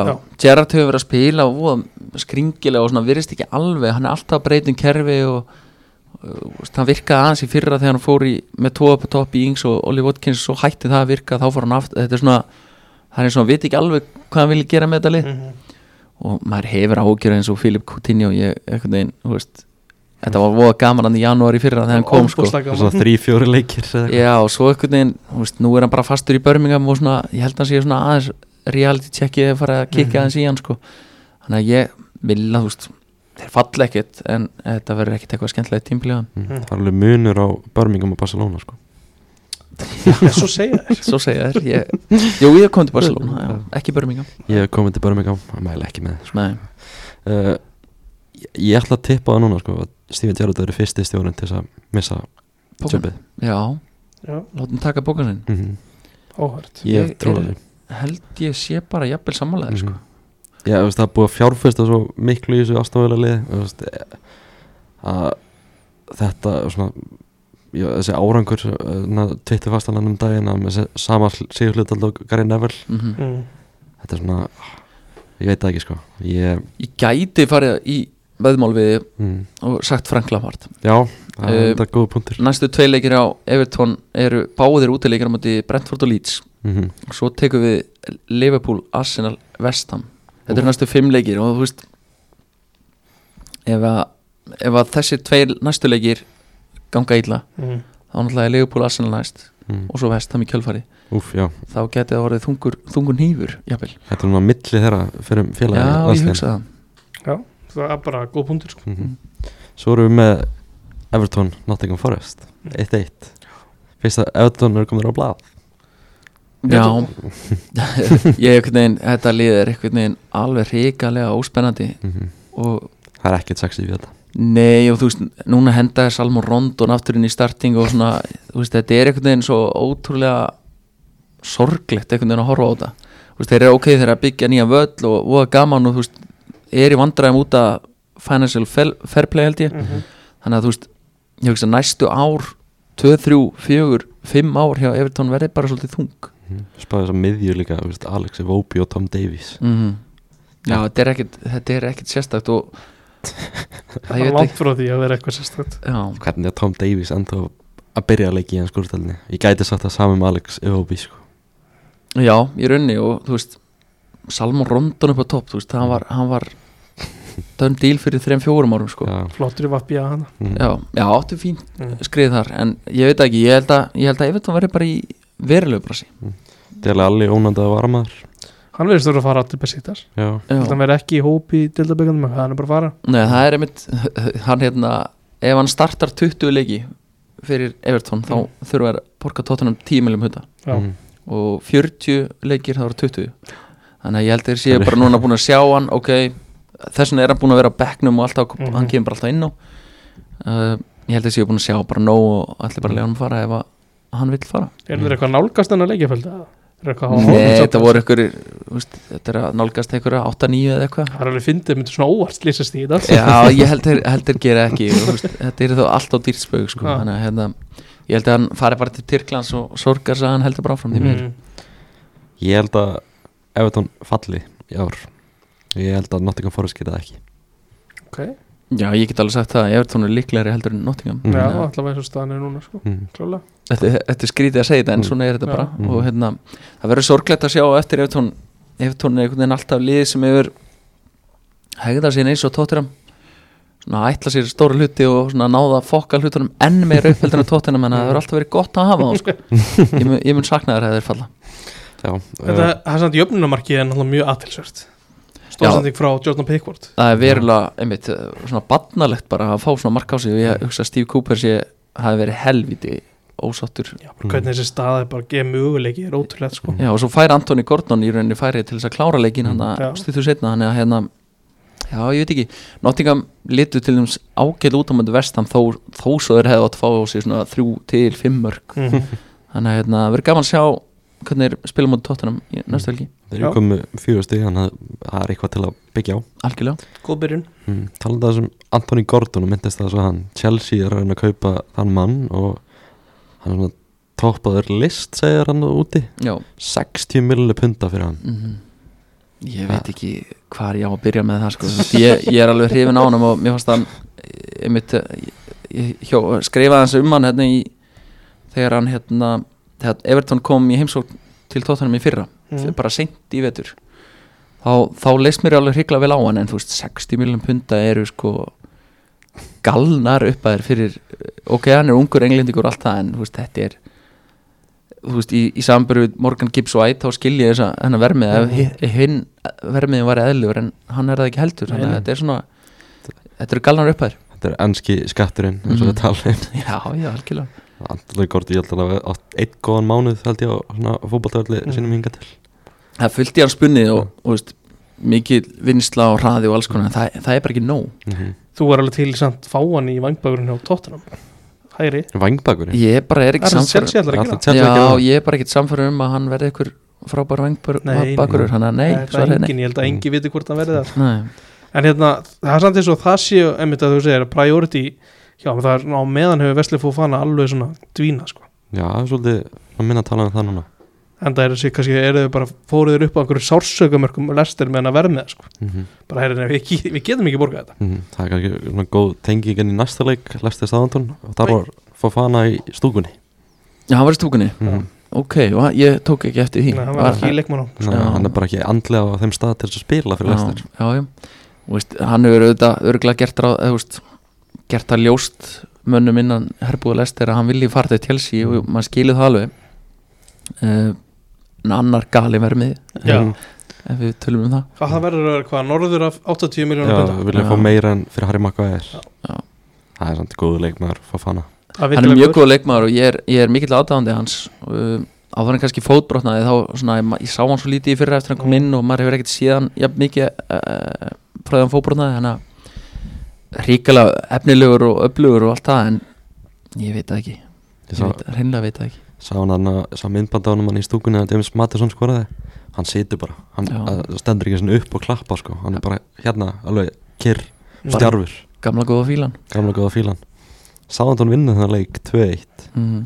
Það, þú veist, það kemur óvart. Að þú tal, að því þú voru að ræða hvað stjóri geti verið reki fyrstur. Jú. ég held að Brenda Rodgers geti hætt fyrstur. Já, já ég hugsa það einmitt, ég, ég hugsa um Brendan áðan en ég, ég er ekki vissum að hérna, þeir myndu reka Það endilega Rodgers það er ofbúslega ósankjönd að reka hann allavega með Mhm. það bara stöðu félsins sko. já, þeir, þeir eru í einhverju svona fjárrags Mhm. og þurfa að selja til þess að geta keift mm ég er búin að fá einn inn frýtt Fenguðu þeir einn mannin? ég held að ég er búin að fá Alex Smithis frýtt Já, það rétt. glimti sem þeim meistara annan eða þriðja markmann sko. já, Já, það er einmitt eitt vandamál lestir núna, það er að Danny Ward er í markinu Mhm. sem hann er bara ekki nógu góður nei, hann er Mjög lélegast markmann í shit svo er hann að leikmaður sem ég, ég var mynd að ræða hans í gær við, við vinn minn sem heitir Daniel Amartey já, Mhm. sem er gauður sem að alltaf því hóra lestir þá er hann einhvern veginn í hringuðinni þegar þeir eru á fásimark Mhm.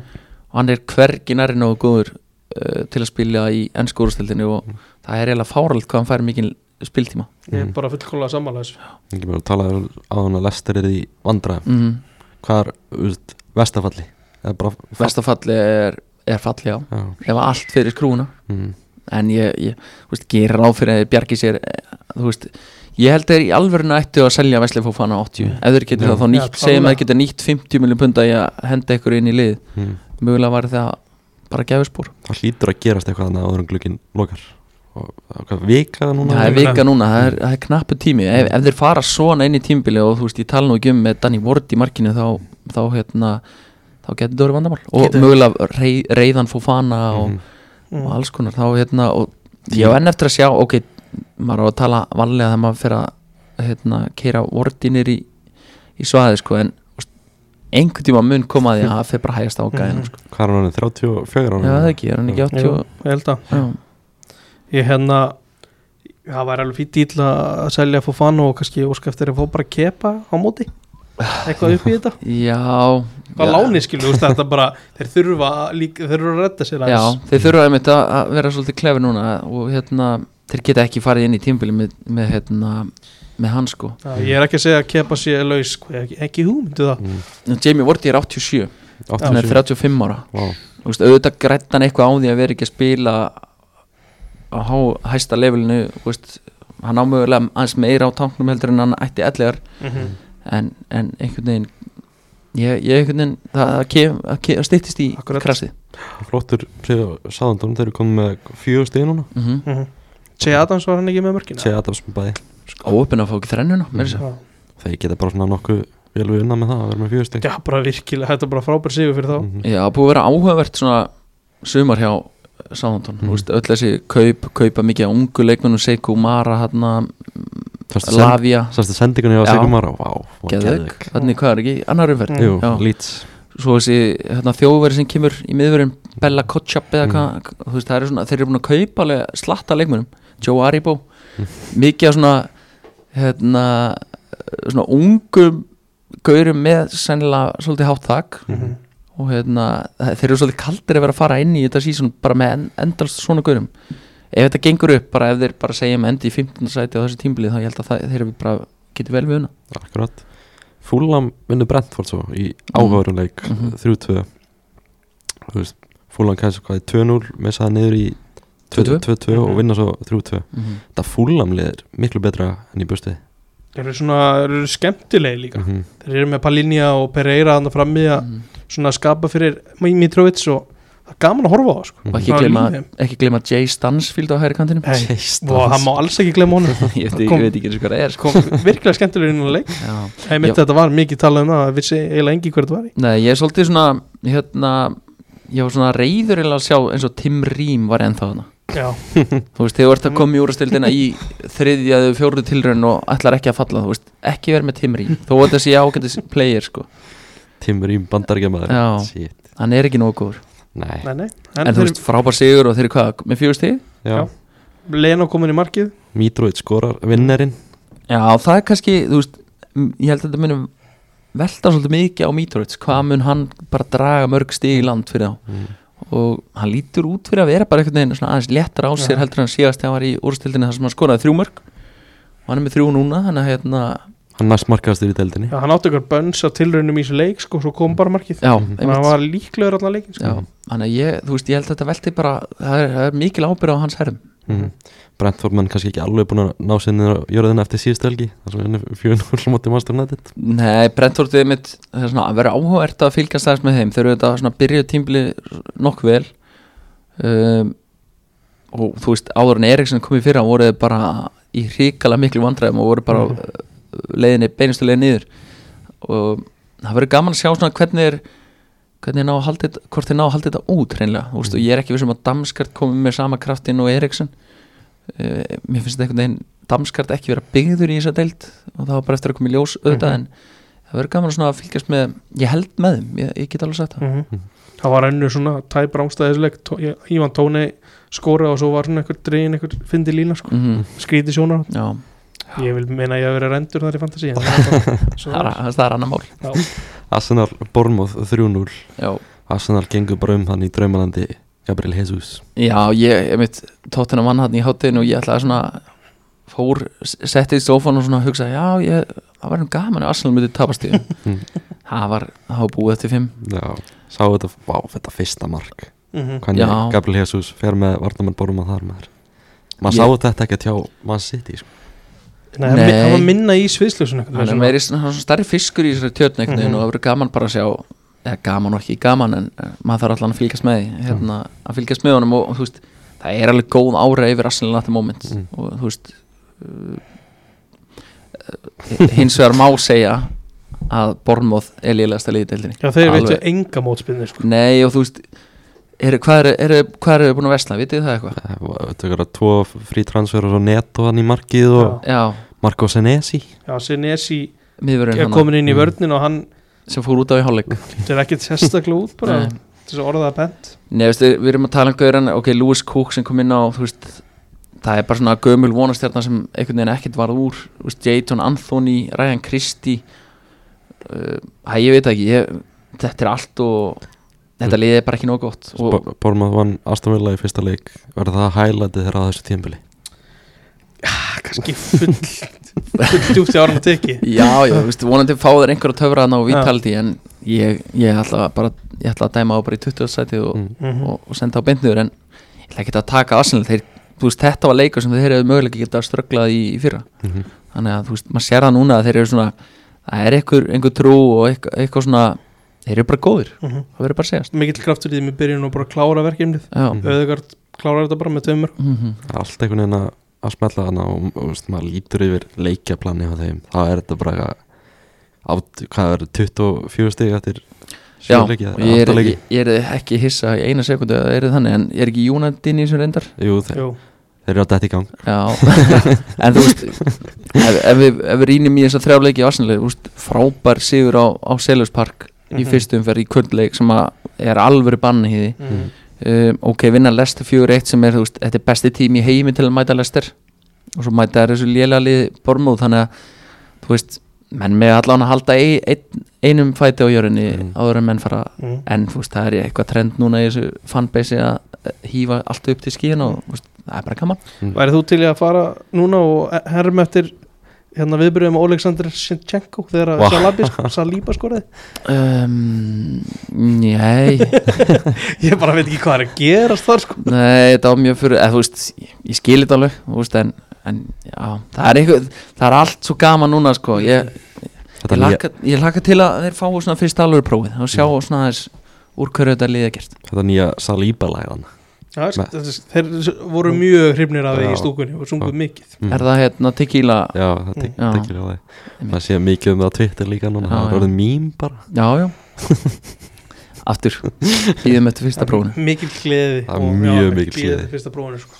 Það er gaman, það er gaman að fylgjast með þessu á Twitter og svona. Já, ég hef gaman að þessu, alveg lúmst. Nema Albert Brynjar vinnu minn, hann er Ég er nokkur sem byrna þurfa að senda á hann bara reyði pósta Já.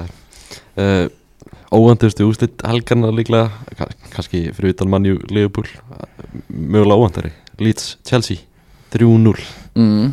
Já, þetta kom svolítið óvart Mm. uh, Samt svona eitthvað svona svipa fannst mér í, í sko nálgun uh, ég leiði mér að segja Manchester United og Leeds í þessum tveimur leikir svo nefnir af því að orkustíði í Leeds var bara frábært Mhm. það voru bara onnit frá fyrstu mínútu sko. Mm og gáfu hérna gáfu Chelsea ekkert andrými og nýttu sér svona öll svona mistök í, í þeirra leik sko Mhm. og það var bara lýtsliða það var mjög skemmtilegt að horfa og já, bara svona góð, mjög góð tekst þar Mhm. upp á framhaldi sko Já, algjörlega og ég, hérna, maður sá maður svona fylgdist aðeins með mér sumar það sem voru að gera á markaðum, þú veist, þeir keiftu alveg hellinga af leikmönum í Rasmus Kristjansen, Tyler Adams Brendan Aronsson og, og, og ég er auðvitað að gleyma einhverjum en þú veist, þetta er allt svona gauðra sem eru bara alveg, þessu Brendan Aronsson þetta er bara Mhm. sturlaður íþróttumar og Já. Tyler Adams líka Mhm. þannig að hérna, ég er alveg ég held að vera ekki tæpur á falla eins og í fyrra en, en þú veist ég fara ekkert með heimiskötum en, en Nei, veist, ég held að þetta vera alveg, alveg skemmtilegt og Þú- Jesse Mars virðist bara vera að ná að gera eitthvað hluti þarna. mm. að þú talar um hælæti og borm og það vinna aðstofila Mm. þetta geta alveg verið hælæti og lýts sko það var bara algjörlega. geggjaðu leikur hjá hann sko. mm, algjörlega og Rodrigo kom með nýtt líf þarna Mhm. Mhm. Hann er markastur í deildinni með fjögumör já, já, ég minna, þú veist hann, er, hann alltaf var flottu leikmari á Valencia á sín tíma en uh, það verður gaman að sjá þú veist, vonandi helst Bamford heill vonandi ná, ná þeir að nota hann meira enn í fyrir af þetta Mhm. þannig að ég, ég held að ég hef engar á Pascal Strák er líka að spila bara fárúlega vel sko, Mhm. sem er gauður sem ég saði fyrir að ætti ekki eins og heimils er að teilt sko þannig að hérna, já ég vona, vona lítsvegna að þetta verið gaman. Ég, Mhm. ég held að þetta getur orðið, alveg orðið það. Hvernig að sé fyrir Tuchel að tapa fyrir manni sem kallar fótbolta soccer? Soccer. Já. Soccer. Já, já, ég hérna, ég fannst svona Tuchel tók svolítið annan póli í þetta í heftileik, hann var mikið að tala um bara þú veist, hann, var, hann rósaði lítið ekki neitt sko, Nei, þannig að tók sitt lið bara alveg fyrir sko, svolítið, sko. Þeir voru umurlegir í það voru ekki góðir. Nei. Má virkaðu bara andlusi líka Já, ég, ég bara verið viðkynna mér Thomas Tuchel verið bara eitt leðlasti gaurin í deildin já, þetta er alveg ríkalega leðilegu gæði og hérna, ég hef einhvern veginn gaman svona, ég, eitthvað vel, vel mér augnablik sem ég finnst gaman á sko. já, já, það ok, það er alveg í lagi sko, en ég hef ég ætla ekki að segja áhugjur á Chelsea en ég ætla aldrei að fara á, á þeim en mér finnst ótrúlega skrítið að hann sé að spila Rhys James til dæmis í, í miðverðum í staðan fyrir að hafa hann í wingback já, sammála því. Við sáum það bara þegar hann svissaði hann og fór, hann fór hægri wingbackinu mútið tóttunum það var bara allt annað dæmi sko. Mhm. Það er eitthvað svona alls konar fæslur í þessu af Loftus Tíka fyrir á miðjuna Mhm. Þetta er alls konar, já, örgla eitthvað, þú veist, meira taktikal heldur en ég, ég get skilið jafnvel en svo er Kai Havertz hann upp á topp, þú veist, bara hálf meðundalus ekkert að frétta. Þetta er kannski uh, vant fyrir Chelsea var bara mann þannig fremstan sem er góður í tvo mánuða tímabili. Já, ég þetta er alveg, ég veit að bara ef ég var í Chelsea maður að þetta væri ságöður sem ég myndi hata mest mm -hmm. og þú veist góð pæling um daginn en að þú veist, orðsporið hans hversu slæmt væri það ef að væri það verra en Timo Werner orðsporið Mm. ef hann hefði ekki skorað þetta mark í mm Mhm. -hmm. úrslaleik alveg mögulega sko Það hann, hann er að lifa svolítið lengi á því Mhm. vantarlega en í- hann á ekki mikið tíma hann eftir ef að, hann alltaf spila svona mm. Og Bamiang er að mæta Já, er það- það. Já, einmitt, þú veist, og þeir þurfa nýju fyrst mér ég, ég er ekki samfærum um að Störling uh, sé nýja endilega, ég vil frekar í þessu 3-4-3 kerfi að hann sé undir þá ába eða Mhm. með kannski mánt hinum einn, þannig að Mhm. hérna já, ég held að þau þurfi nýju það Mhm. er alveg klart Já. og svo spurning, þurfur ekki líka miður þeir þurfa að klálega miðverð mm. bara, ég er ekkert ekki bara út af hvernig framist að var hann á móti Leeds Gúli Bali var náttúrulega í rugglinu hann á eftir að, þú veist, að stilla sér betur inn eins og deild og svo leiðis en Mhm. þeir þurfa að klálega einhvern ef, ef það er málið að Rhys James á að vera einhver laust í miðverðið þá það er bara svarið, þá þarf miðverð Já, þú ert bara að taka allt og mikið að liðinu að vera fórna honum í miðurinn mm. þú veist, ég veit ekki akkur hann treystir ekki að spila hvað þetta, að spila hægra ég megin segi það ég bara veit ekki, þú veist, hann veit auðvitað meir en um ég en ég um ástand hans en ég held að, og þú veist Chilwell á eftir að koma inn auðvitað vinstramenn þá geta að nota Kukurea vinstramenn í, Mhm. í, í, í þryggjaman línu en ég held að þurfi mm Já. Áhvert í þessum leik lítskóra og færi svo 0,99 XG mm Brandon, Brandon Arison ég var svolítið reyður hann hann að prófa ekki bara að rekja boltan inn. Ég vilja skalla. Mannverðinguna þetta var, þetta var, hann tók þessi var það fáralegt sko.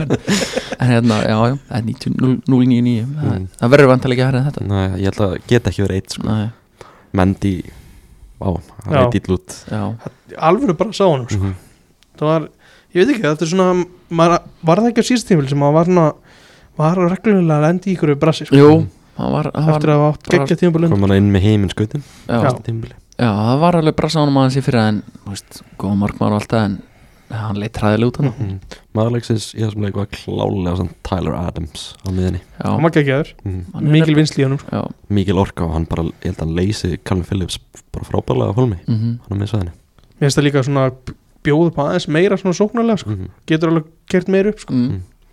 Og innkaupast stefna Leeds, hún er svona alveg fyrir augljós Það er bara að leita í Red Bull Akademi Já, þeir eru mikið að hræri henni í sumar og hérna, sem er bara ég held sér bara fín stefna, veist Mhm. og Jesse Mars auðvitað þekkir þekkir alveg svona Já. til aðna og vantala er með eitthvað sambund aðna inn og, og þú veist, þekkir auðvitað leikmuna að einhverju leiti þannig að þú veist ég held að þetta sé bara vel gert hjá þeim mm. Það eru ungir og færski leikmenn bara góður bræður við Leeds Já, líka bara, þú veist, að fá einmitt ferska fætur því að við sáum því fyrir að, þú veist, þetta verkefni var í, í léttu þróti. Mhm. Sála. Það er hins vegar ekki góður bræður við Vestam sem tapaði 2-0 og mátti Brighton það er vesen þar Já, það er hæg, hæg byrjun og svona ég veit ekki, það er eitthvað einhver þreyti yfir þessu öllu eina liði sem er án stiga eftir þrjárum fyrir Já, Já. það gleði mig. Já, Já, eru þið þeir, búin að skora? nei, Þeir, eru- Ekki- ég sá, sá þetta eitthvað annað Þetta er eitthvað, þú veist, þeir eru ekki með eitt mark úr eitthvað, 3, koma eitthvað xg Þetta mm, er eitthvað, voða svona daburt fyrir fram að marki. Já. Akkur gleður þetta ekki? Ég, nein, þetta er svona þetta ristir kannski, þú veist að því ég er tóttunamaður, þá er þetta er alltaf svona litli frendi sem heldur alltaf að sé á pari við okkur. Mm. og hérna, eh, þú veist Asnald kannski segja frá því, en þetta hefur farið í töðunar á mér svona í gegnum tíðina og þeir þetta er svona eins og Chelsea, þeir eru upp alltaf leikið sinn þeir mæta okkur, þannig að ég vil bara sjá, það það ganga illa. Mhm. Svo Declan Rice, hann var einhverju svona skemmti þetta á Já, lögadaginn sá það. Það var að syngja? Rice Rice Baby með Jamie Redknapp og Michael Richards. Já, það var mjög áhugavert. Svo mætir hann á, á Olimpíuvöllinu og slegið niður á jörðina. Já. Graham Potter og hans mannum já, hann var líka bara alvöru lélur í þessum leik sko. Það er gott, svona, þetta er mjög gott svona veðanest í inn í leikin og eiga vonda framist Já, einmitt þetta, þú veist Æ, ég veit ekki, ég, ég vona að þetta bara haldi áfram svo lengst þannig að ég Mm. veist að ég er bara verið að segja það. Mm -hmm. Mér finnst aðteklaust þetta í þessu leik þannig að vítaspinna sem að Breitón fær. Mhm. Tíl og Kerir brýtur á ég veit ekki hverjum hann brýtur á fyrir Breitón Það var það ekki sko. Alltaf það ekki bara verið velbekka var hann ekki inn á? Jú, Velbeck, það var Velbeck Elbeck er að koma sterkur inn í sko. tímpli Þetta er svona, þetta var ekki alveg eins og vikingur hann að Kár í bygganum. Mm, Þetta er tækling svona sem byrja fyrir utan þegar þú heldur inn já, já, áfram. já Það er svona, þetta tengi ekki þar sko. Já, ég held að hann hefði mitt haldið að hann myndi sleppa með hérna, Það er klárlega fyrir fyrst í en fyrir Já. utan þeir sko. akkurat. Ég held að hann, til og gerir hafa gert ráð fyrir að þetta er bara aukspunna Mhm. og það er svona ge- gerði hann þetta en, en hann var ópinn hann kannski. Brighton sjösti Mhm. Graham Potter er klálega bara einn bestu stjórn í þessari dild algjörlega. Og þetta er svona dæmi mannalið sem að úst, er með allt sitt á tæru. Mhm. bara ekki mikið að resursum. Þetta er eitthvað svona, þú veist, segjum ef United með alla sína resursar geti verið að gera svona hluti. Mhm. þú veist, ef það var hægt að yfirfara það en þetta er, þetta er ángrís, ég dýrka að horfa á Brighton. Það er, Spáðið, þeir eru búin að missa tvo bestur leikmuna sinna í sumar. Mhm. Kukurella og Bissuma já, og þú veist núna mistuður hérna mm, hver er á hérna vinstri? Eh, hver, hver er fóru sér Kukurella og já, Bissuma eh, mitt kúkurega, þeir missuðu hann Mhm. og þeir eru bara tilbúinu með hérna, hennan, hvað er þetta ekki, Ekvatori eða, Moises Cazeto nei, hérna þeir keiftu hann frá Villarreal, Esturubian eða eitthvað Já, svoleiðis. Já, já, þú veist, Já. þeir eru bara klári með þeir eru pottið tilbúinu bara í þetta Mhm. og vita bara nákvæmlega hvað er alltaf að gera Mhm. þegar, að- þegar að kúkurega fer á The Big Bucks Þeir eru bara búin að plana allt allt og Mhm. það, þetta er það sem heyra, og það er mjög ótrúlega gaman að fylgjast með þessu Mhm. liði og veist, Kai Seito kom fyrir tveimur árum sko. hann er Mhm. bara komin núna sem ready made leikmaður. Mhm, Algjörlega, Hver verður næstur keftur í burtu frá Breitón? góð spurning. Hver, þú veist, af því að ég horfið það að markverðurinn er Robert Sanchez. Já, það hann er sé svona leikmaður sem að stærri félög þetta horfi í sko. Akkurat. Danny Welbeck. Hver, hver er á Hva, hvaða markmaður er klára á bekknum ég, Ég veit það ekki sko. þú veist at the moment þá, þú veist, aldurinn á Velbek og saga hans er auðvitað ekki góð mm. uh, Adam Lallana ekki heldur og Pascal Gross ekki heldur en þú veist, þeir kaupa Pascal Gross úr Bundesliga 2 Mm. og það er bara geggi kaup þeir hafa greinlega verið búin að rannsaka það Svo ertu með Trossard annað sem er ég mjög góð leikmaður. ég, ég ætlaði að nefna Trossard og, og Kaiseto í þessu samingi sko. Mhm. Robert Svo- Sanchez náttúrulega, já, hann er góður já, og mér, hérna, uh, miðjumann MVPú, mér finnst það líka þú veist, hún hafi bara verið að bekkna mér þessu leik það er alveg geðið í honum líka sko. Já. Að, þú veist, Graham Potter hversu, svona, hvað er næsta gig hjá honum? Ég er svona nokkur að spá ennska landslið eftir Hami Katar. Já, einmitt. Ég hugsa að það verði einmitt síðasti dansin á Southgate sama hvernig fer. Þetta, ég veist, það er ljóst að þessi gæði að fara að fá starra gig eitthvað tíman já, einmitt, ég, ég veit það ekki alveg. Ég hugsa að þú veist tóttunum reynda að fá hann þarna í fyrra var það ekki þegar að Mm. þeir endi á núna mm þú veist, það, það er kemra og ef hann heldur svona áfram veist, þetta er greinlega veist, mjög góð stjóra sem gerir svíþu líka. -hmm. þannig að hann endar í, hann endar í stóru kiki vonandi fer hann bara ekki, þú veist, Eddie Há leðina og hérna gerir þetta of seint. Þú veist, ok, hann fekk njúkvæslu kiki núna Eddie Há en þú veist, hann, hann var svo lengi svona hot Veist, orðaði við tóttunum, orðaði við Arsenal í, Mhm. var bara í borma og fjall niður með og svona datta þessu út úr sig í smá tíma. En þú veist, hann getur hann getur alveg farið langt.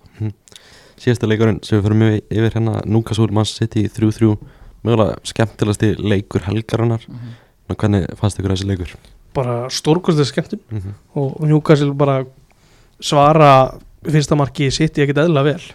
Og maður fann það fann það svona í rauninni strax þegar þeir byrjuðu þessar bylgjur sínar að það væri eitthvað í loftinu að að þetta væri alvöru svona surge, svona að marki sko þetta væru, þetta væri ekki bara eitthvað svona fimm minna kaplu og svo kemur sitt í aftur sko þetta var, var alvöru andið þarna og, og bara geðveikt að horfa eins og þessi þetta var skemmtilegast leikur, Mhm. þetta var fáralega gaman að horfa á þetta sko. Já, þetta var hrikilega einmitt skemmtilegu leikur eins og þú segir, veist, hann hefði getað farið 0-0 og samt verið frábær, Já. allan eins og hann spilaðist og það var alveg gaman að sjá veist, bara Newcastle þorða að pressa sitt í, bara í þeir voru bara með á í köðlólum hann í tíu mínútur hann undir nei fyrirjálegs til að mynda þannig að, já, þetta var hrikilega gaman maður ekki ótt séð svona úst, Kyle Walker var í alls konar brasi með Já. Saint Maximin og Mhm. hinnum megin var Mikkel Alveg með Róna flottur og, og Wilson Wilson og svo miðjan bara fyrir aftan þá það var bara framist að upp á ég veit ekki hvað, 8, 9, 10 hjá mörgum í liðinu hjá Newcastle sko. mm. Saint Maximin, þetta er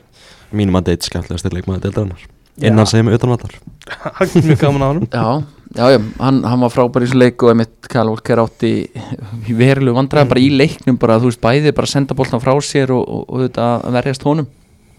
En sitt í síndu bara gæði sín þú veist, bara kveikt á sig í smástund og búin að jafna leikin og Mhm. þú veist, maður hefði ekki orðið hissað að klára leikin en nei, eftir að higgja, þú veist, fyrir Newcastle að sækja stiga á mútið sitt í gott en úr því sem komið var, þá var þetta svona mm en þú veist, maður skilur alveg að þeir hafa ekki náða að halda svona intensitínu svona háa í gegnum allan leikin akkurat, Nick Pope var líka mjög góður svona, Já. þegar City var að leita sko. Mhm. hann varði, varði nokkur sem bara Mhm. mjög vel mm. Saint Maximin, hann svona talaði um það eftir leik laði upp tvö markarna svona talaði um það eftir leik að hann ætla að vera með franska landsliðin á HM í Katar já, hann gerir alltaf stert tilkall mm.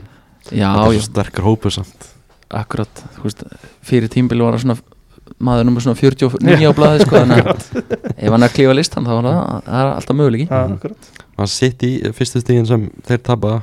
Já, hvernig svona allir breðist við þessu? Mm, þeir halda bara áfram. Mhm. gera bara nákvæmlega Já. sama hugsaði ég. Hérna þeir hafa litið vel út þú veist í á stórum köpum á þessu tímbili og eða þeir veist spila bara á 95% 90-85% getur sinni þá verða það sinni bara mistarar mm -hmm. Já, en þá allavega fyrir mér langlíklegasta liði sko. mm. mm áhugavert sem Guardiola sagði þetta leik að Núka Súgla er bara orðið eitt svona erfiðasta lið í deildin að mæta mm.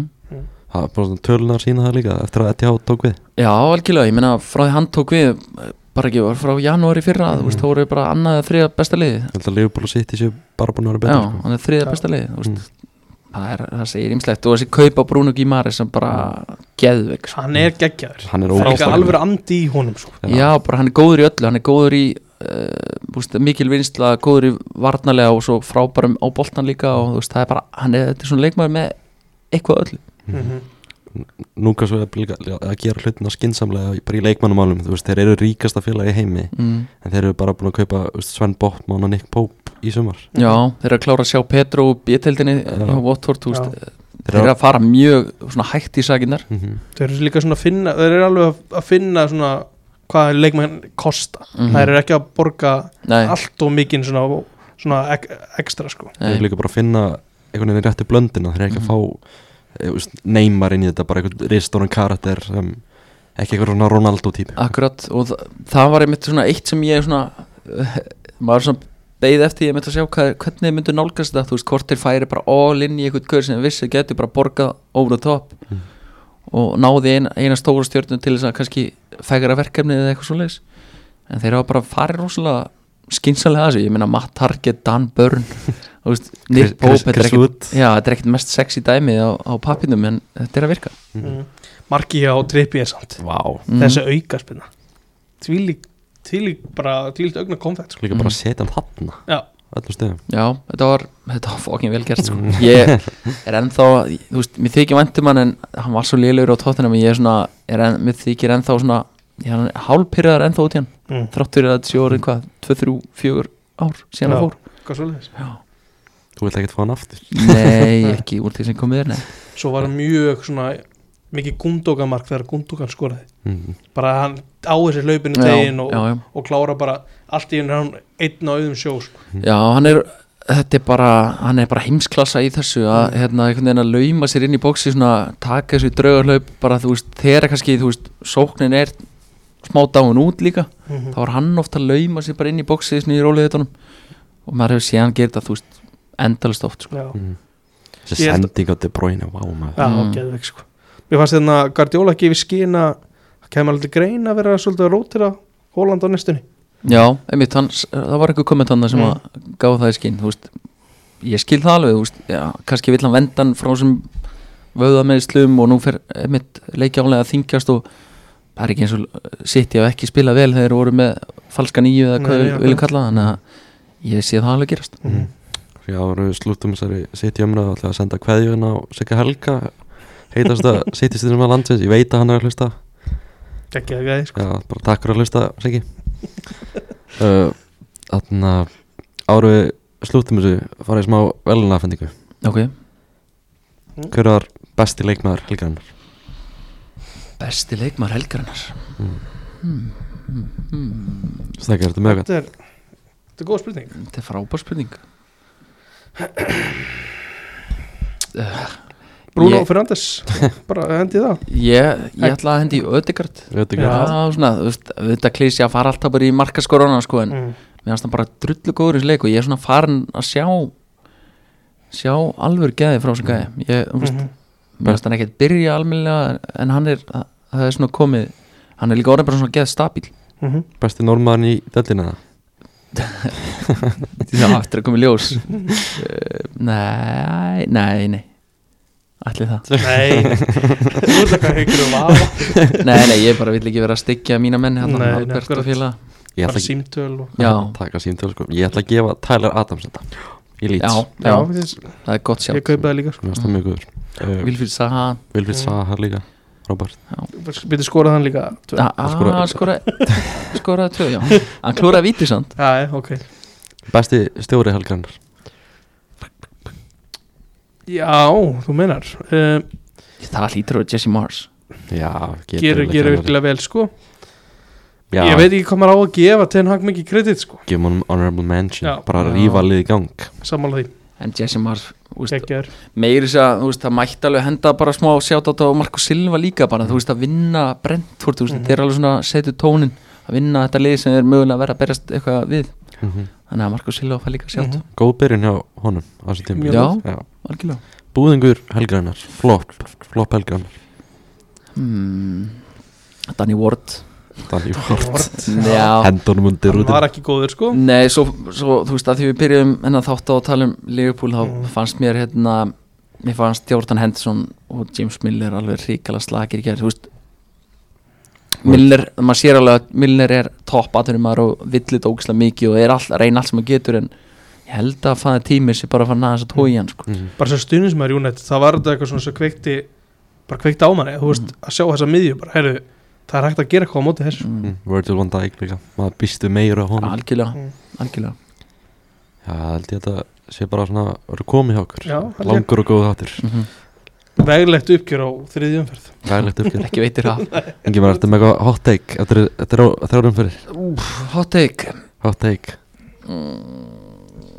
það er náttúrulega ekki hot take. Jú, ég, ég, skal, ég skal koma eitt svona bara verulega heitt. Mm. Lester uh, fellur. Förum við hóka bara, að því þú baðast um hot. það er er ekki endilega það sem ég samfarur um að Mm. gerist en að því þú baðast um það. Eitthvað sem þú vilt koma á framfæri Þetta er bara bomba í Bomba, Bomba í fínt. loftið. Það segir bara takk kærlega Takk kærlega fyrir að hlusta